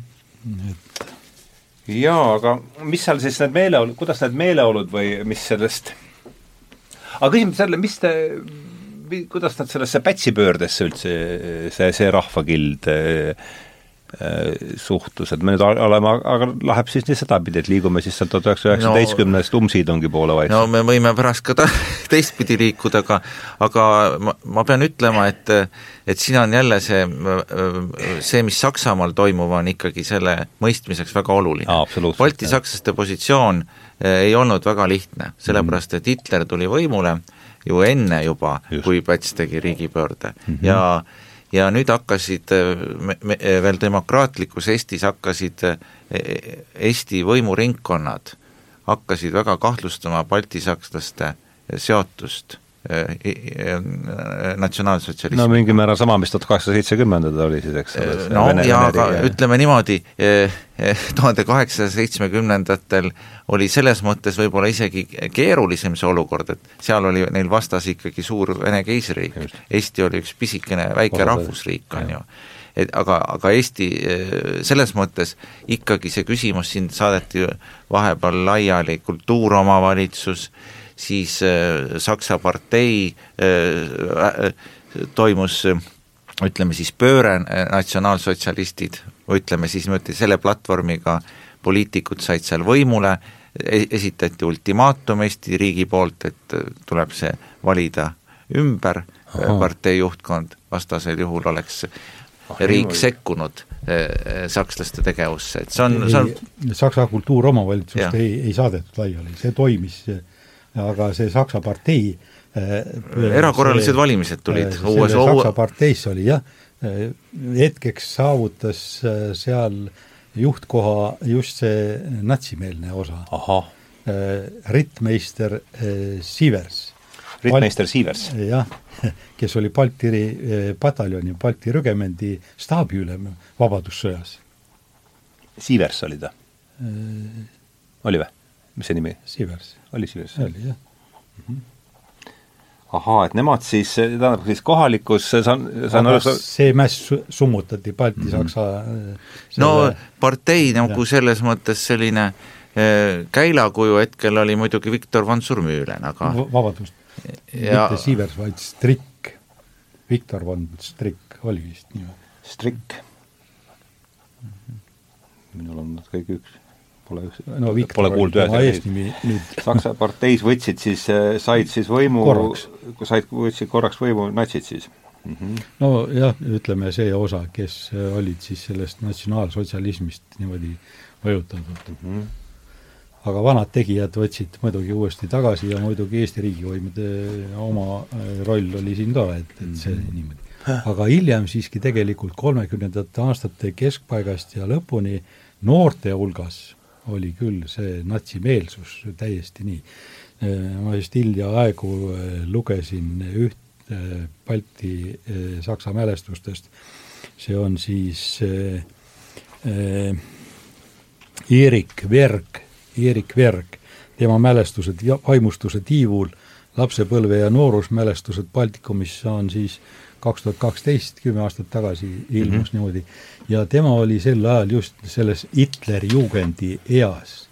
ja siis selle kirjeldab, noh, üks neid füürereid mm. -hmm. ja see oli siis, kes väga võttis malli siis Saksamaa äh, sellest Hitleri juugendi liikumiselt äh, ja, ja natsiideoloogiast ka aga mis seal see psühholoogiline, nii palju kui sellest no, meeles on, mis seal see Führeri kultus muidugi, tugev käsi, aaria rass, suur Saksamaa. sa vaatasid Saksa uudiseid ja? jah, eks ikka see sakslus, sakslus, Deutschland, Deutschland über alles, ütleme. jah, see alandusest, alandusest äh, äh, väljatulek ja kõik kogu see ja, teema. nii et, et äh, teatud kandepinda oli mm. -hmm. aga see, kes oli juba ikka, juba kogenum, niimoodi keskealine vähemalt, see jäi ikka vist suures osas, mõned üksikud näited siis puutumata mm. -hmm. oled lahti seda? jaa, selles mõttes, et me peame nagu sellesse baltisakslaste selles mõttes võib-olla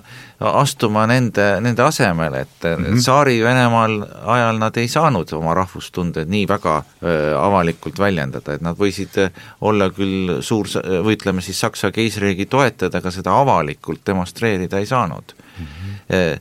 Eesti riik oli ikkagi niivõrd palju väiksem moodis, moodustis, et loomulikult võis ka seal tekkida teatud äh, vastumeelsust eestlaste hulgas, eriti ajakirjandus oli ju päris kriitiline, aga sakslastele oli ikkagi eh, Hitleri võimuletulek ka siinsetele sakslastele teatud mõttes ikkagi ka mõnes mõttes teatud ärkamise ajaks uuesti, sest ega nende sellist eh, eh, mm. Tsaari-Venemaa ajal nende ra-, rahvuslust ei tolereeritud. et see küsimus on päris oluline, mis muidugi selle äh, ütleme, iseseisvate Balti riikide ajal oli muidugi erinev, mis on jälle meil läbi uurimata teema, nagu väga paljud baltisaksa teemad, on see, et kuidas, kuidas nüüd kulges see eh, baltisakslus, sakslaste rahvusühtsus eh, tingimustes, kus oli olemas Läti riik ja Eesti riik. et teatud vahed hakkasid ju siin tege-, tekkima, et äh, et juba kas või see ikkagi piir ja kultuuriline vahe, et et üks oli, ühes olid ikkagi ka suhtumine baltisakslastest natuke erinev, et Lätis oli see kolmekümnendatel ikkagi väga väga kriitiline, et Ulmani see resi-, režiim kaotas kooliautonoomia, mis sakslastel enne oli, ja ikkagi seal oli äh, teatud vähemusrahvuste tagakiusamine erinevalt Eestist, et seda armastavad Balti meil oli see kultuuriautonoomia raamistik, eks ole, meil ei likvideeritud seda, meil jäi see kuni lõpuni, eh, kolmekümne üheksanda aasta lõpuni alles, kui sakslased umbsiidlungiga ära läksid, Lätis, Ulmanis eh, igasuguse sellise saksa kultuuri, haridustöö püü-, püüdis tasapisi tasalülitada. kas nad said siis põhikooli ja, ja keskkooli said saksa keeles teha või kuidas see oli Eestis? meil oli jah, saksakeelne kool oli kuni siis kuni keskkoolini välja, jah. ülikool oli juba siis eestikeelne? no ülikool oli loomulikult eestikeelne. no selles mõttes ütleme formaalselt oli Herder instituut Riias, et seal sai ka midagi õppida Aa, meie baltlane saksa meil keeles. oli omaette jah, eraülikool. no tegelikult siin tegid ka äh, äh vähesed äh, need Tartu... teadlased Tartus jah, see oli Kodumaa uurimisinstituut oli mm nendel, aga see ei olnud äh, mingi see oli nalja tegemine äh, rohkem, jah, kõrgkool, vaid äh, selle tiiva, see on pigem noh, vast niimoodi kodu-uurimise asutus, selle mm -hmm. all said siit vähesed baltisakslased teadlased oma tegevust edasi jätkata. et meil saksakeelset kõrgkooli ei olnud mm, -hmm. aga, aga siis Lätis oli. aga üks asi, mis ma tahtsin juba enne küsida, et äh millal läks Tartu Ülikool siis venekeelseks, kui me tagasi läheme sellesse vene, mis no,, mis, millal see oli? kaheksasaja üheksakümne esimesest aastast hakkas järje, järjekindlalt jah, niimoodi, eks seal ka see oli siis selle viimase venestamise äh, la, no, laine? siin oli ka kaheksasada üheksakümmend üks, jah? no ei saa ka seda täpselt no, ühesõnaga seal hakati üle minema kaheksakümnendate lõpul. kui kiiresti jõuti no, mingi sümbolina kaader välja vahetada ja kes ikka vene keeles ka nendest eelnevatest suutis äh, lugeda, püsis ametis veel tükk aega mm. -hmm. või kes olid ka väga nimekad niimoodi, aga üldiselt jah, võib öelda, et nimigi muudeti, Jurjevski, mitte enam Tertski universitet, vaid Jur-, Jurjevski universitet aa, see oli tuhat kaheksasada üheksakümmend üks? jah, ja, ja nii nagu Tartu sai no, Jurjeviks. see oli siis Aleksander Kolmas või? Aleksander Kolmas. kolmas, eks ole, jah. Seda valdkonda minust on kindlasti palju paremini neid, kes tunnevad, aga eks eks ülikoolis ja üldse see, ütleme, see venestuse eh, algusetapil oli väga palju konflikte ikkagi eh, baltisakslaste ja Vene keskvõimu vahel, et see otseselt mingisuguseks eh, vastupanuks baltisakslaste poolelt ei läinud, aga eks mõni püüdis midagi veel saksa keeles teha, et üks huvitav lugu on ju nende koolide kinnipanemisega, et Tallinnas oli näiteks uhke toomkool, mis oli baltisakslased ise pidanud no, seda juba kesk, keskaegset alguses baltisakslased ütlesid, me võime võtta isegi selle vene keele vastu, aga siis ikka see seisusuhkus, see oli Rüütli kool. seisusuhkus ikkagi lubanud, et me õpime seal vene keeles. suuresti rüütelkond finantseeris seda ja Just. nemad äh, lõpetasid selle finantseerimise ja uuesti siis pärast tuhande üheksasaja viiendat aastat, kui lubati jälle siis niimoodi natukese haaval ahah, siis tuli jälle, teerati kruvid jälle natukene. ja et äh, eraõppeasutused võisid Mulle, olla siis? Äh, selles venestusaegses Tartu Ülikoolis saksakeelsena jätkas usuteaduskond. ah nii, on huvitav.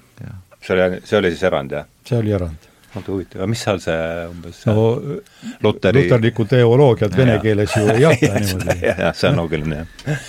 vaata huvitav, see usuteaduskond jäi siis pidi ju siin ja, ikkagi ja. kohaliku elanikkonna jaoks ka ütleme, omandama ka selle eestikeelse jumalateenist ja ka jumalateenistused, neid ei puudutud mm. -hmm. jah, välja arvatud usuteaduskond ja siis saksa keel.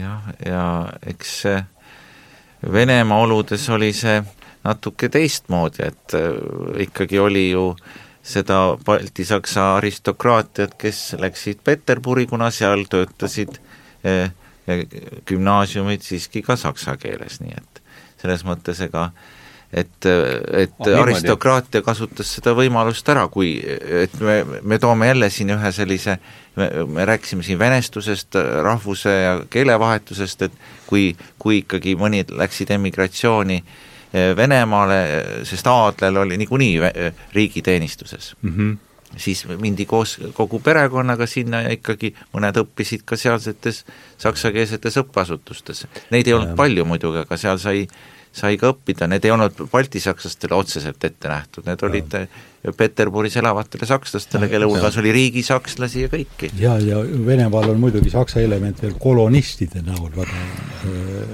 märkimisväärne alati olnud. palun siia juurde värvi. ajal oli ju ütleme, riikliku poliitikana äh, soodustati Saksa kolonisatsiooni, kes pidid tooma siis niinimetatud know-how'd endaga kaasa ja mhm. niimoodi tekkisid ju isegi siin Baltikumis Saksa kolooniad Läti alal küll kõigepealt. Katariina ajal, Hiršenov on tuntud niimoodi. aa, nad tõid lihtsalt põllumajandust ja, ja spetsialiste siis äh, Krimmi, Ukrainasse, Valga ja Volgamaadele, seal ju ikka ja Peterburi lähistel oli väga palju Saksa kolooniaid ah, selles ma, nüüd ma sain alles aru, millest jutt käib ja., jah, jah, just, just. ja need olid siis põhiliselt, ütleme, talupojad, kes olid siis siia äh, niimoodi soodustatud tingimustel kutsutud. Katariina oli see isegi? Katariina ajal ja, ja uuesti siis tuli tuhande kaheksasaja viiekümnendatel, kuuekümnendatel, seitsmekümnendatel aastatel soodustati seda mm. -hmm. loodeti, et tuuakse ka sel, nende, toovad endaga kaasa selle no kõrgema põllumajandusliku kultuuri mm, -hmm. aga noh, vähemalt ütleme siin Baltikumis ja ei olnud meie omadest kõrgem aga Venemaal oli neid, need eh, Saksa Vene koloniste ehk mis seal need suurusjärgud umbes võivad olla, palju neid tuli siis? noh, miljon. miljon, sa ära ütle. ma arvan küll, jah. see pidi ikka olema suur kampaania siis? no jah, mitu kampaaniat, mitmel korral, aga nii neid kujunes ja, ja, ja kõige tuntum on muidugi jah, see Volgamaade Saksa asustus mm. -hmm. see oli Katariina aeg või? Katariina ajal alus, algas mm -hmm. ja kestis järgnevatel noh, teatud perioodidel jälle siis võeti ette niimoodi. Ja, ja see oli siis Aleksander teise ajal jälle siis, kui siis ka uuesti Baltikumis, ma olen sellest kirjutanud siin oma selles raamatus. Ma... Saksa kolonistidest on see artikkel. ja siin on ikkagi väga olulisel kohal ka eh, majanduslikud eh, põhjused, et ja, ja, ja ka kogu see, ka, ja ka demograafiline pool, et Saksamaal oli, oli ka maanälg ja inimesi oli väga palju ja see eh, väljaränne oli, oli siiski väga suur stiimul, et kui Venemaal siin pakuti maad, ega ega, ega sakslane kasutas seda võimalust ikka. tuhande kaheksa tuhande kaheksasaja kuuekümnendatel aastatel veel oli näiteks selline olukord, kus äh, Saksamaalt ju enne seda oli läinud palju ka üle mere mhm. Ameerikasse. Ameerikas käis kodusõda ja mõnda hetke oli, ütleme, see nagu kinni, siis nagu otsides seda äh, teed, kuhu Aha. minna niimoodi, siis näiteks venelased kasutasid ära ja kutsuti siia ja meie Balti-Saksa parunid niisamamoodi lootes siin siis saada sobilikku tööjõudu tõrksate Eesti ja Läti matside kõrvale või, või asemele niimoodi. Ja, ja mhm. enne esimest maailmasõda jälle siis selline äh, soodustatud kolonisatsioonilaine mhm. korraldamine. Äh, see ei ole otseselt sellega te, nüüd selle tänase teemaga seotud, aga kuivõrd see tuli, jutuks tuli, et tundub olevat mu-, muudes mõttes oluline, et võib-olla seda Ulmanise ja Ulmanise ja Pätsi pööret natukene võrrelda, et mis läks, veel kord, see ei ole otseselt tänase teemaga seotud, aga tundub olevat, kui me sinna oleme juba jõudnud, et see tundub olevat põnev asi, et no lätlaste jaoks muidugi Saksa äh, element ja selle mõju äh, ärritas ju oluliselt rohkem. sest ta oli niivõrd palju ja suurem, eks? muidugi sakslaste ja äh, lätlaste vahekorrad läksid teravaks just kaheksateist hmm üheksateist. Aga noh, meil oli ka üheksateist see, mis viis meil ka Võnnu. Selle Võnnu no, äh, lahinguni, selle Landesveri sõjani. Mm. -hmm nii et Ulmanis oli see, kes oli ju nende sakslaste poolt võimult kõrvaldatud ja kaheksateistkümnendal aastal oli selline episood, kus raudtee viis ja, ja siis ütleme, see Landesveri äh, seltskond pani Ulmanise asemel pukki Andris Nietra, pastor, luuletaja ja kirjanik, no päris äh, oluline tegelane Läti kultuuriloos, aga, aga niimoodi need ka isiklik selline mm -hmm. okas oli, ütleme, Ulmanisele sakslaste vastu niimoodi. ja muidugi nende mõju oli ju äh, palju Lätis palju suurem, majanduslikult ütleme, Riia, suur tööstuskeskus tsaariaja lõpus impeeriumi neljas linn mm. -hmm. elanike arvu ja, ja, ja eriti tööstusliku potentsiaali poolest. aga mis siis on Moskva, Piiter? Odessa oli vist. no Lõuna-Venemaalt oli. Odessa kõlab äh, loogiliselt küll, jah, see on nagu jah, ma siin nüüd praegu mere ääres midagi? no jaa, Lõuna-Venemaalt oli äh, impeeriumi lõpus oli Riia suuruselt neljas no, linn? jah, kahekümnenda sajandi algul, vaata siis no ikka võimas tööstuskeskus mm. -hmm. et muidugi see tsaariaja lõpp Riiale langust äh, tõi suurema languse kaasa kui ütleme meil Tallinnas no, ütleme see seal oli kukkuda kõvasti. kakkumine, kukkumine ja mm, väljapeosadam ja, ja kõik see.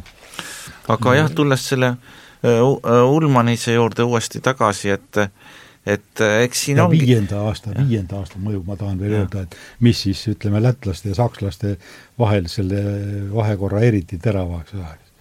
ju viiendal aastal oli see viha äh, sakslaste vastu, parunite vastu ja niimoodi ikka meiega võrreldamatult äh, palju äh, suurem. ja, ja mõisate põletamine algas ju Lätis tegelikult ja tapmine ja seal käis Las ju see partisanisõda veel äh, parunite vastu veel ka pärast pikemalt ja, ja vastavalt mm. sellele siis karistusaktsioonid nii et see oli juba, ütleme ahah, sealt tulevad need ka need punaste küttide traditsioon ja ei ilmselt..., punaste küttide oma tuleb Esimese maailmasõja aegsest ajast. Mingi... kui jah, lätlased said Vene võimudelt loa, ütleme, rahvuspolkude loomiseks. see, sealt on need Läti punased kütid aga noh, see Saksa vastane viha, seda toitis ja viies aasta mm -hmm. väga võimsalt.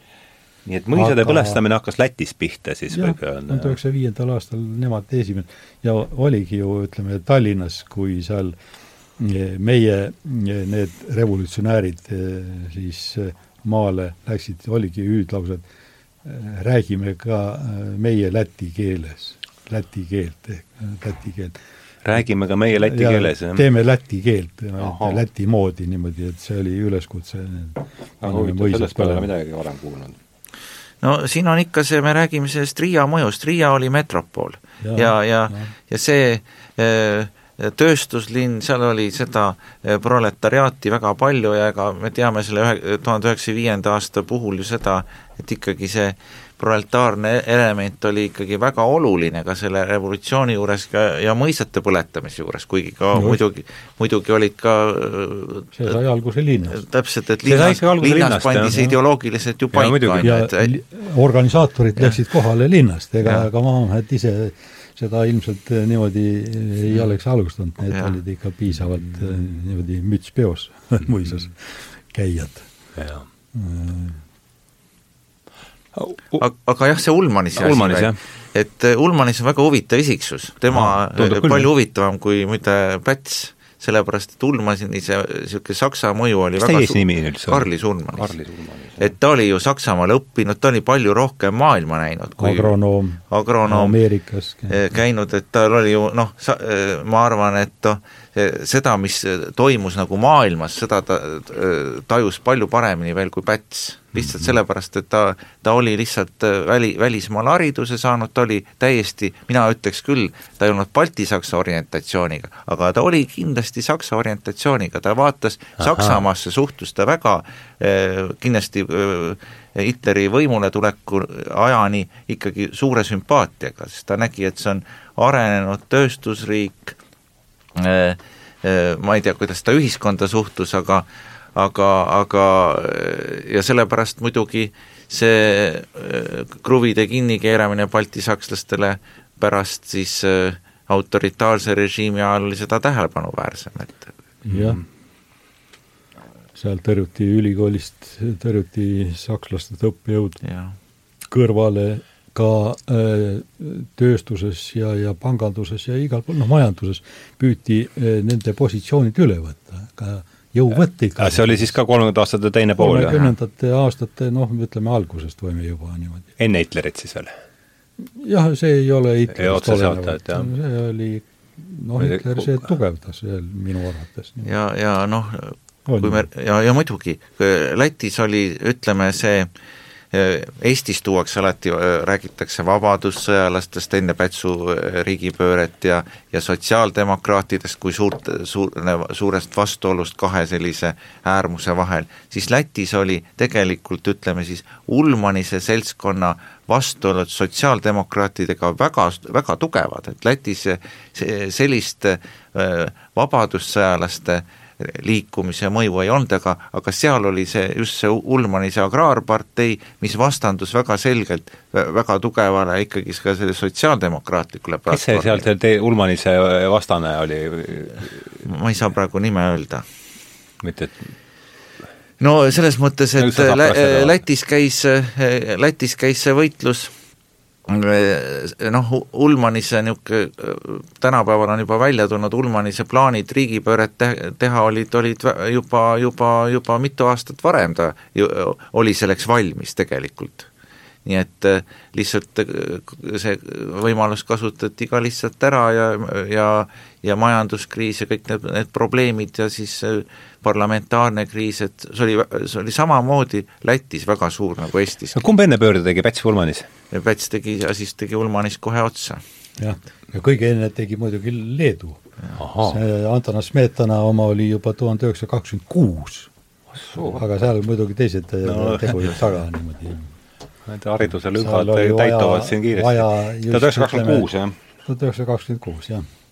seal oli vaja ikka nendele vasempoolsetele jah, ja ka, ka, ka Lätis on, Lätis on see ka väga, väga, väga oluline, see vasakpoolsete elimineerimine, Eestis ja. on nagu, on hoopis teistmoodi. vabadussõjalased. just, ja sotsid võeti nagu ka, võeti siis vaikiva nõusolekuna kaasa, kaasa, jah ja. Oot, käime selle veel üle, sa mulle kirjutasid. Rei, Rei oli ju selles mõttes ju te teadis sellest riigipöörast, temaga oli läbi arutatud see võimupööre Pätsi, ma mõtlen, jah. ja Rei andis õnni.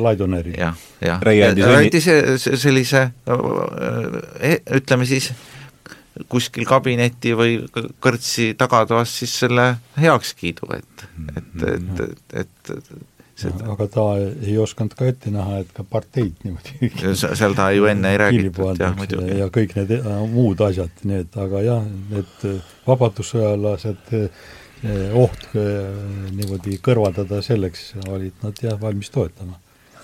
nüüd, mis olulisel määral Eestis sakslaste ja eestlaste suhet kujundas, oli see Balti pataljon, mis Vabadussõjas võitles Eesti sõjaväe ridades enamlaste vastu. Saksa ja Läti vahekorrad olid teised seal tuli lätlastel äh, oma võimu säilitamiseks otseselt ka äh, nende sakslastega, kohalike ja seal oli muidugi veel see riigisakslastest niimoodi äh, Raisveeri väeosade kamp niimoodi. ja see muidugi teravdas veelgi seal Lätis neid Eesti, tähendab Läti-Saksa vastu. meil Äh, oli ka maareform mõnevõrra äh, mõnes aspektis soodsam mõistlikele sakslastele -hmm. kui oli, kui oli Lätis. mõnes Aha. aspektis niimoodi. Äh, noh, Lätis näiteks hüvitamist ei olnud, ehkki alguses said nad alles jätta natukene suurema osa kui, kui meil, aga nende võõrandatud maadest hüvitist ei, ei makstud, Eestis seda tehti kahekümne viiendast aastast niimoodi, nii et, et ja oota, kakskümmend viis oli, kakskümmend viis oli kroon juba või? kroon tuli kakskümmend kahe, kakskümmend seitse, kakskümmend seitse, ahah, okei, ma mõtlesin kakskümmend neli. et need asjad jah, mis olulised. kas kroon tuli kakskümmend seitse või? midagi sinnakanti mm? -hmm. ja, ja. Mm -hmm kakskümmend kaheksa vist minu arust. no kusagil seal, mitte kakskümmend neli, siis mul kuskil seal no,. peast nüüd alati, mõned niimoodi no see ülemineku otsus tehti ju va va varem juba, et eks valmistati ette. et juba ju räägiti, et see noh, lihtsalt see füüsiline rahade mhm. vahetus oli hiljem. Mm -hmm. et kur... nii et jah, Balti-Saksa rahvast rahvastiku osa oli palju lojaalsem Eesti riigi vastu, kui äh, Lätis see asi oli. ja Lätis oli muidugi see natsimeelsus sealsete sakslaste hulgas ikka, ikka palju-palju-palju levinum mm, -hmm. suurem, no sakslasi rohkem ja seal Just. Muide oli Läti sakslaste füüreriks oli üks tuntumaid baltisaksa ajaloolasi Reinhard Wittram, nende ideoloog ja üks e, kuidas selle perenimi? Reinhard, Reinhard. Reinhard. Vitram, kaksik V-ga kirjutatud mm, -hmm. Vitram, kahe T-ga ka.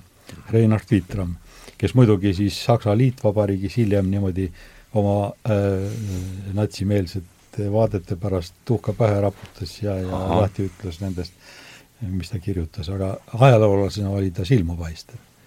nii, aga äh, nüüd oligi äh, juba enne Esimest maailmasõda äh, käisid baltisakslastest ajaloolased kokku, Balti-Saksa ajaloopäevad olid. kaks korda jõuti enne Esimest maailmasõda pidada, üks on siis Riias, teine Tallinnas, ja nüüd siis kolmekümnendate aastate alguses jälle nagu püüti taastada neid ja siin Tartus oli vist, kui ma nüüd peast õieti mäletan, kolmkümmend kolm olid siis nad koos ja siis äh, ilmnes väga selgelt äh, siis erinev suhtumine oma riiki ajaloo kirjutistesse ja vaadetesse.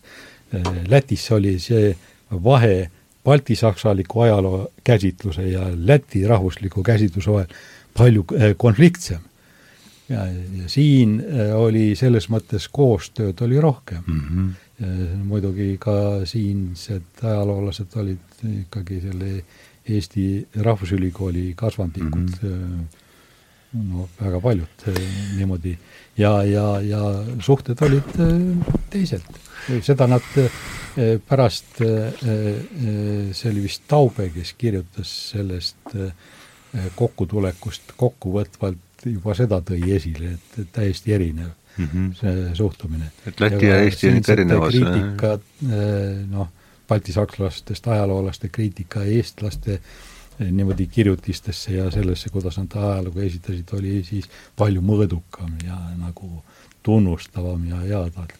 aga muidugi lätlased läksid oma selles ka kaugemale, et eh, Riia algusest peale olemas Läti linnana ja niimoodi ja, ja veel muud seal eh, tõstsid siis oma elementi äh, rohkem esile ja Saksa oma niimoodi, nii et no juba selles vallas on näha üldisi neid hoiakuid ja, ja suhteid mm. -hmm. ja aga Leedus on see, sina ütlesid takerduda, Leedus on see seoses poolakatega siis sama, samasugused leedukad muidugi poolakatega ju koos jagasid ühtset riiki ju sajandeid, sajandeid. Nendel tekkis see tüli tegelikult äh, alles tuhat üheksasada kakskümmend, kakskümmend üks, kui eh, üks eh, poolakatest väepealikke oma sellega võttis ära Vilniuse. Pilsutski või?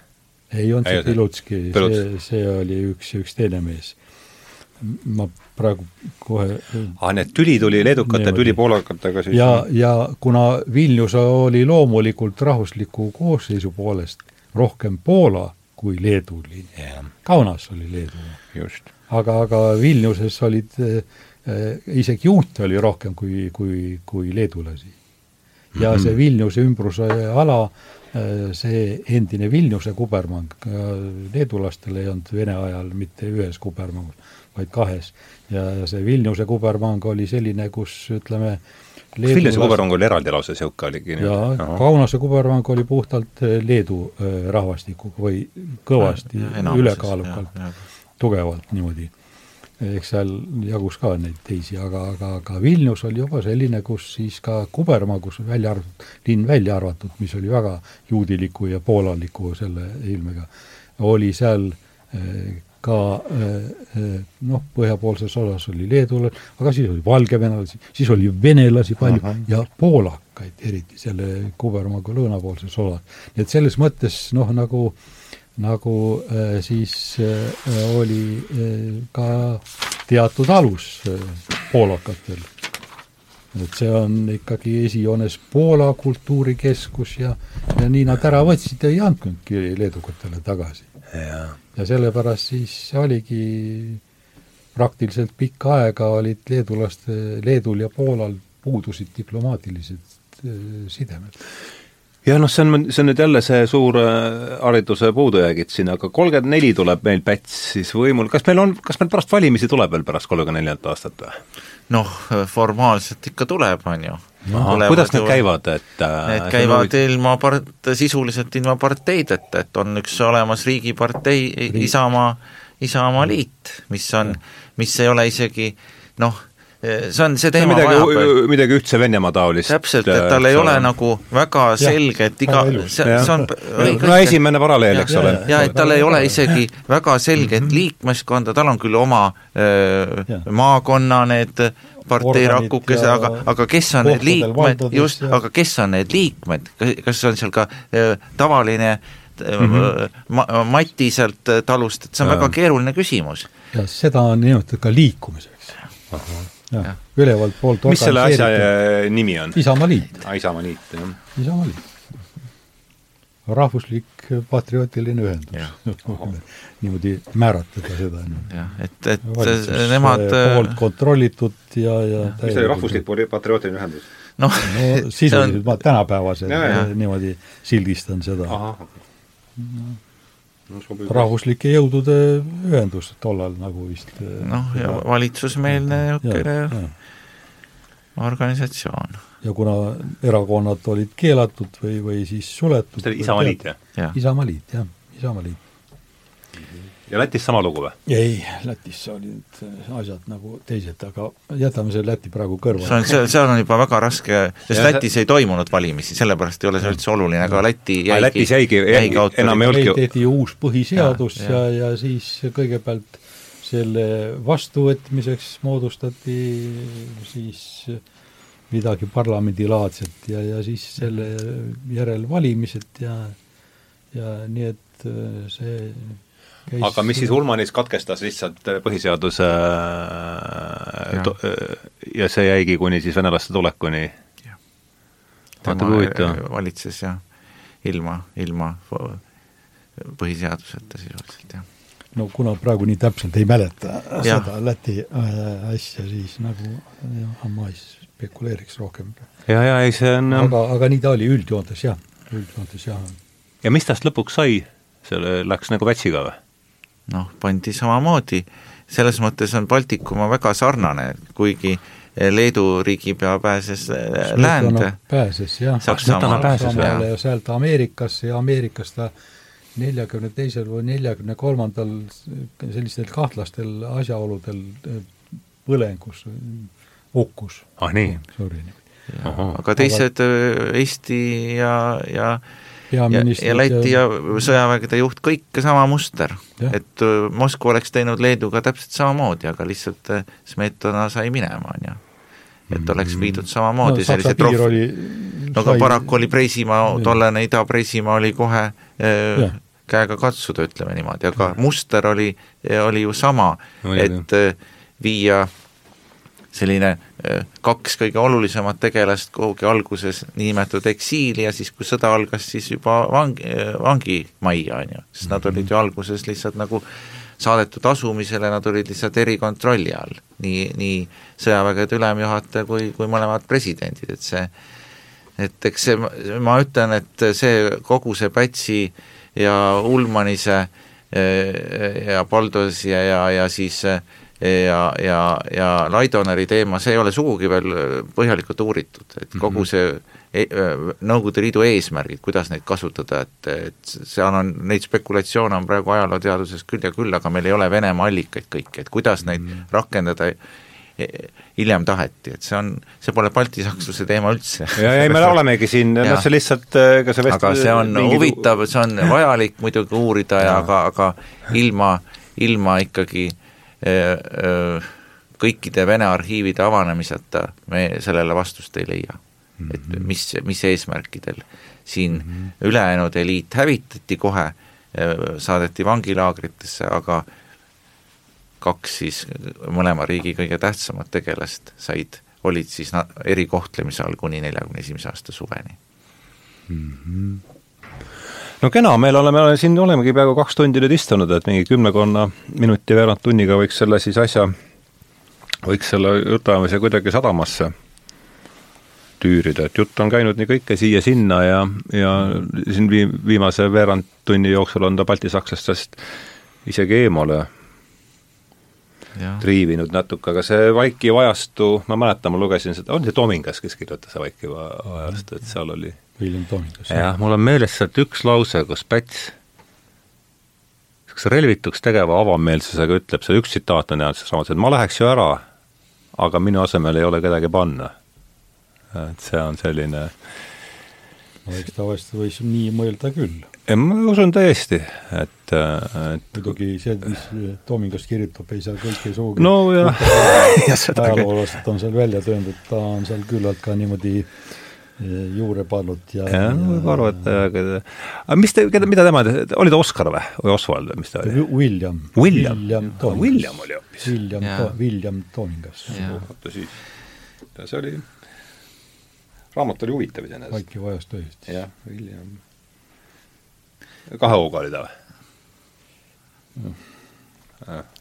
vist ühega.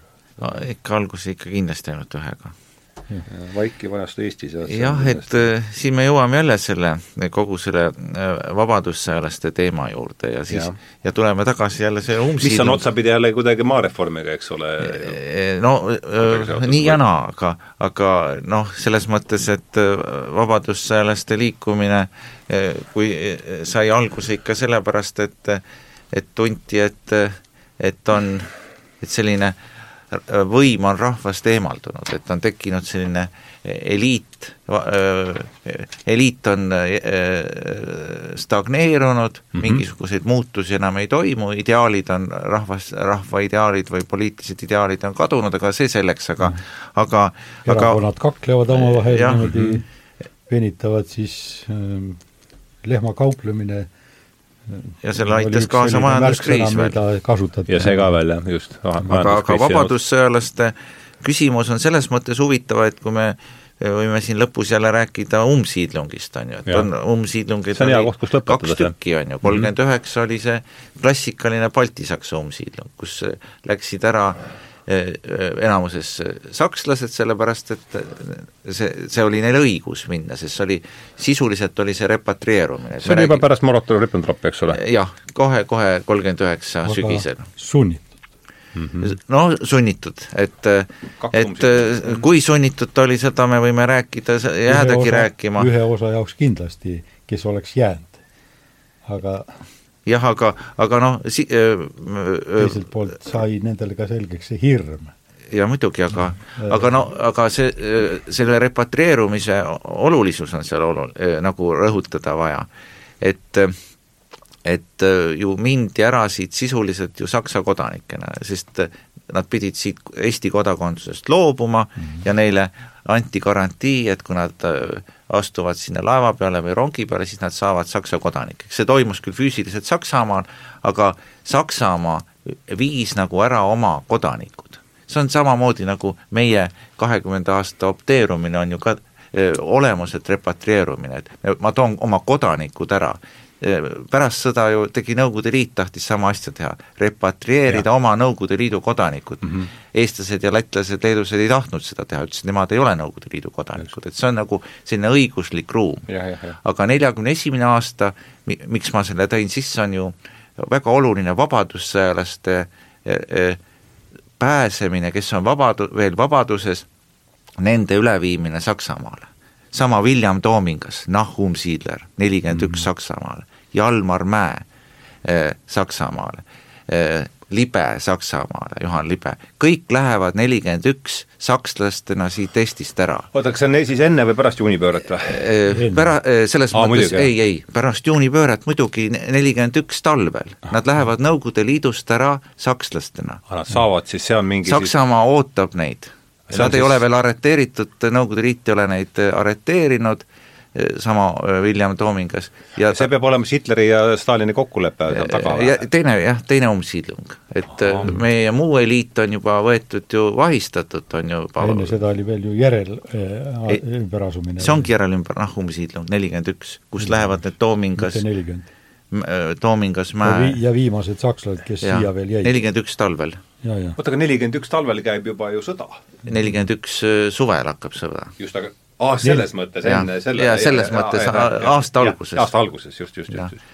et äh, ja vabadussõjalased ju sellepärast äh, ju ka paljud nagu, nagu pääsesid, sellepärast et nad jõudsid Saksamaale, paljud tulid ka muidugi Saksa okupatsiooni ajal tagasi ja läksid uuesti nelikümmend neli ära. Mäe nagu,, eks ole. Mäe ja ja mingil määral ka Oskar Angelus, kes, kellel on, kes on teinud väga head mälestused, kirjutanud Tuhande valitseja maa, et ta oli, talle sümpatiseeris see, kogu see vabadussõjalaste ideoloogiaga, ta ei olnud ametlikult äh, kes kirjutas Tuhande valitseja maa? Oskar Angelus. Oskar Angelus. jah, siseministeeriumi tähtis tegelane. kes, kes korraldas muide kolmekümne üheksanda aasta ümberasumist Eesti ja. poolelt oli Tuhande valitseja maa või? jah, Tuhande valitseja maa, väga, väga huvitavad mälestused jälle, et äh, kindlasti selle perioodi kohta mäe mälestused on ka, aga tema nii, noh, nii nagu nad on, et ega õigustavad suuresti. ega ei ole meeles, kust see kujund tuleb, Tuhande valitseja maa, see on see on sellepärast, et Saksa okupatsiooni ajal oli siin erinevaid eh, nagu võimukandjaid, üks oli sõjaväevõim, teine oli Göringile alluv majandusametkonnad, siis oli julgeolek, siis olid tsiviilametkonnad, et see on see kujund, et siin valitsesid kõik äh,, iga Saksa ametkond ajas oma asja ja niisugust üldist nagu valitsemist ei olnud. Ja siis see Rosenbergi enda see idaalade ministeerium, see ajas ju oma poliitikat, et, et niisugust tsentraalset juhtimist nagu ei olnud, et kõik ajasid oma asja siin, et sellest tuleb see tuhande valitseja maa, see kujund. Äh, mis sellest Toomingast sai üldse, on küll meeles? Ameerikas läks. Ameerikas läks jah, seal. jaa ja. seal on ta mälestused ju ja, kirja pannud ja, ja avaldanud mm. -hmm. ja eks neid eh, eh, vabadussõjalasi oleks saanud võib-olla rohkemgi sinna Saksamaale, et nelikümmend üks, aga noh, osad juba eh, jõudis, jõudis NKVD-ga kinni võtta, et sa mm -hmm oota, aga ma ei saa aru, mis Alu, Toming, kas Tomingal oli siis, ta läks sakslasena ära siis siit või? jaa, ja muidugi. selles mõttes, et talle anti sakslase paberit, ta ei olnud küll mingi sakslane, aga Aha. aga, aga leiti ikka kuskil niimoodi ja. seos ja, ja sa õige mitmetel näiteks olid eh, naise sugulased või, või, või siis mm -hmm.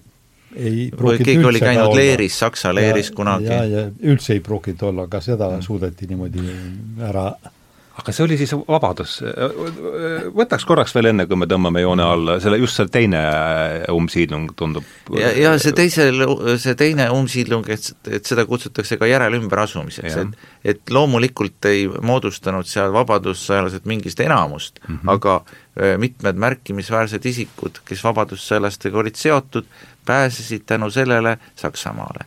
aga mhm. enamus inimesi, kes seal olid, olid kas siis ütleme niimoodi, Tiit ütles väga ilusti, et oli inimesi, kes eh, pärast eh, Eesti Vabariigi eh, tekkimist muutusid jälle eestlasteks, et nad olid kadakasakslased, nüüd nelikümmend üks muutusid nad uuesti jälle sakslasteks. aga oli ka puhtalt eestlasi, mhm. kes näiteks abikaasa oli sakslane. näiteks kuulus Eduard Aule kes oli panga, kunagine Eesti Panga esimene ja. direktor. ma siin äh, hiljaaegu äh, võtsin lähemalt vaatluse alla ühe sellise suguvõsa nagu Oldekopid mm, -hmm. kus äh, Läänemaa talupoeglikust perekonnast pärit mees linna minnes Tallinnasse jõudis haljale oksale ja praktiliselt noh, nagu selliseks saksakeelseks šikk rätsepmeister ja suutis koolitada neli poega Tartu Ülikoolist niimoodi, ühest sai ajaloolane, ühest jurist, advokaat Tallinnas, ühest arst, ühest hüdroloog. ja viies poeg õppis Riia Polütehnilises instituudis inseneriks veel. aga noh, sai Esimese maailmasõja alguses kohe niimoodi ohvitserina Vene väes surma Hatšik rätsepmeister suutis neli last niimoodi ära viis. viis, jah? jaa, tütar oli ka veel, aga no too ei saanud niimoodi, aga viis, viis kõrgkooli. vaata siis. ja, ja sellest äh, ajaloolasest pojast sai Tartu Ülikoolis esimene äh, üldajaloo professor. mis ta nimi oli, selle rätsepmeistri? Hans, Hans Holdekopp. Hans Holdekopp. ja, ja tema muide äh, äh, oli täielikult siis nagu äh, alguses natukene siin seda venekeelset Tartu Ülikooli kaks pool aastat ja seejärel Saksamaal, seal siis ka doktoriks, aga algas tähendab Esimese maailmasõja ajal siis Vene, Vene sõjaväkke niimoodi, need kiirkorras ohvitseri kursused, aga siis, kui seitsmeteistkümnenda aasta lõpul hakati Eesti Rahvusväeosa looma, oli tema kohe eh, siin, tuli Eesti Rahvusväkke Saksa okupatsiooni ajal siis saadeti need märtsis kaheksateist jälle laiali, aga mhm. eh, kaheksateistkümnenda mm -hmm. aasta lõpus, siis kui sakslased ära läksid, Oltekop jälle kohe niimoodi siin eestlasena ja sai siis soomusrongidest dessantväeosa niimoodi kohe ülemana, seal rühma, roodu ja lõpuks pataljoni ülemana, sõdis kangelaslikult, lõpuks sai selle eest kaks vabadusristi mm ja siis, kui Tartu Ülikool Rahvusülikoolina äh, käima läks, oli siis tema doktorikraadiga mehena kutsuti siis õppejõuks. ja, ja tegutseski siin, aga varakult tervise tõttu siis kahekümne neljandal aastal suri ootamatuks. nii et, et ja temalt küsiti siis äh, ülikooli selle poolt rahvust. ta ütles, et eestlane. ja luges siis ikkagi algusest peale loengut eesti keeles, aga mitmes kirjutises on teda sakslaseks peetud mm. -hmm. ja veel kolmekümnendate lõpus tema Vabadussõja aegsest kangelaslikust võitlustest kirjutas, räägiti, näed, sakslane, aga meiega, ta oli eestlane. tema teine vend, kes Tallinnas advokaat, noh, too oli saksa tegelane üldiselt, aga äh, suri ka siis kahekümne esimesel aastal seal no vaimuhaiglana Seevaldas. Äh, kolmas vend, arst, no väga hea arst, niimoodi Tallinnas hinnatud naistearstina niimoodi, aga tema oli abielus sakslannaga uh. -huh. no need kaks esimest, kellega ma rääkisin, olid poissmehed. ja tema siis opteerus kolmkümmend üheksa. Mhm. ta oli saksa naine, poeg äh, oli siis äh, äh, selline mm, üheteistaastane, aga, aga Eesti koolis käinud, temast tuli Saksamaal hiljem kuulus teadlane mm -hmm., tuumafüüsik, professor Werner Oldekopp, teadmeteostes sees. Werner Oldekopp, jah. niimoodi Äh, no ikka väga kõva te teadlane. Äh, sina puutusid temaga kokku, ütlesid, et ta rääkis jah. eesti keelt. Ta oli ja väga pahane, kui, kui ma üt-, kui ma ütlesin, et ta on sakslane. aga tema, jah ja,, aga tema perekond äh, oled ise kohtunud siis, jah? mina olen kohtunud, aga ta elab Braunschweigis. ja, ja seal ta siis mm -hmm. selles tehnikakõrgkoolis oli kõige pikemalt professor niimoodi mm. -hmm. aga mis ja on? neljas äh, vend Evald Voldekopp ka ütleme vallaline, tema oli eraõpetlasena Eesti Vabariigi aegu, tema juba tsaariaja lõpul juba tudengina silma vaid- ja siis jäi siia ja veel Nõukogude perioodi alguses töötas niimoodi, kuna ta hüdrobioloogina oli väga nimekas ja, ja sealt Vene poolt, Nõukogude Liidu poolt, noh, nad tulijad teadsid teda ja tal võimaldati äh, tegutseda veel, niimoodi tehti ka veel dotsendiks ja äh, või teaduste kandidaadiks ja suri siis viiskümmend üks Nõukogude Eesti teadlasena. ja noh, elas õega õde siis ka niimoodi. nii et, et väga huvitav ja iga nende puhul tekib küsimus, kes ta siis oli, eestlane, sakslane.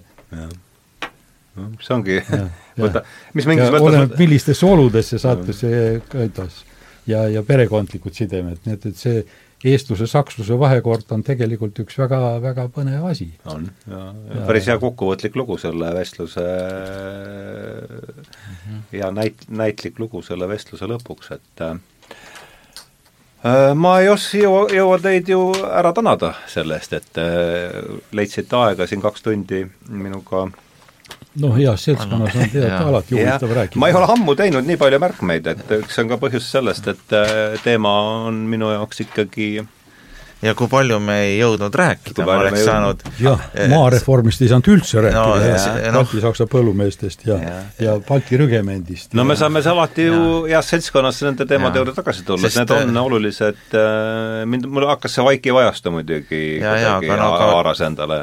aga üks jah, mida, mida ikkagi tuleb, noh, Tiit teab seda rohkem, ikka sellest üheksateistkümnendast sajandist ka palju rääkida, see on see ikkagi Eh, kogu ühiskonna moderniseerumine mm, -hmm. kuidas baltisakslus püüab sellist veel traditsioone säilitada, seisuslikku sellist ühiskonda ja nii edasi no, ja kui palju sai saatuslikuks see, et nad alati alahindasid nii Eesti kui ka Läti seda -hmm. ja, ja õpivõimet ja, ja, ja, ja seda ja järeleandmist nad olid valmis väikesi järeleandmisi tegema, aga mitte suuri. ja, ja kõik, nad on ise hindanud, et kõike me olime valmis tegema liiga hilja ja liiga vähe mm. -hmm. kuni ühel hetkel on kõik läinud, see on ja, see, nagu ikka, Bourbonide lugu. nii ta on, jah mm. -hmm. aitäh teile, Olev Liivik, Tiit Rosenberg, et olime siis siin üle kahe tunni tubli kaks tundi koos ja rääkisime baltisakslastest, jutt käis nagu ikka siia-sinna, ja nüüd on ta jõudnud õnnelikult äh, sadamasse ja ja tänan teid veel kord tulemast ja tänan kõiki, kes on teinud selle saate võimalikuks ja näeme siis lahku veel suuremate sõpradena, kui me enne olimegi. Äh, reibast reedet!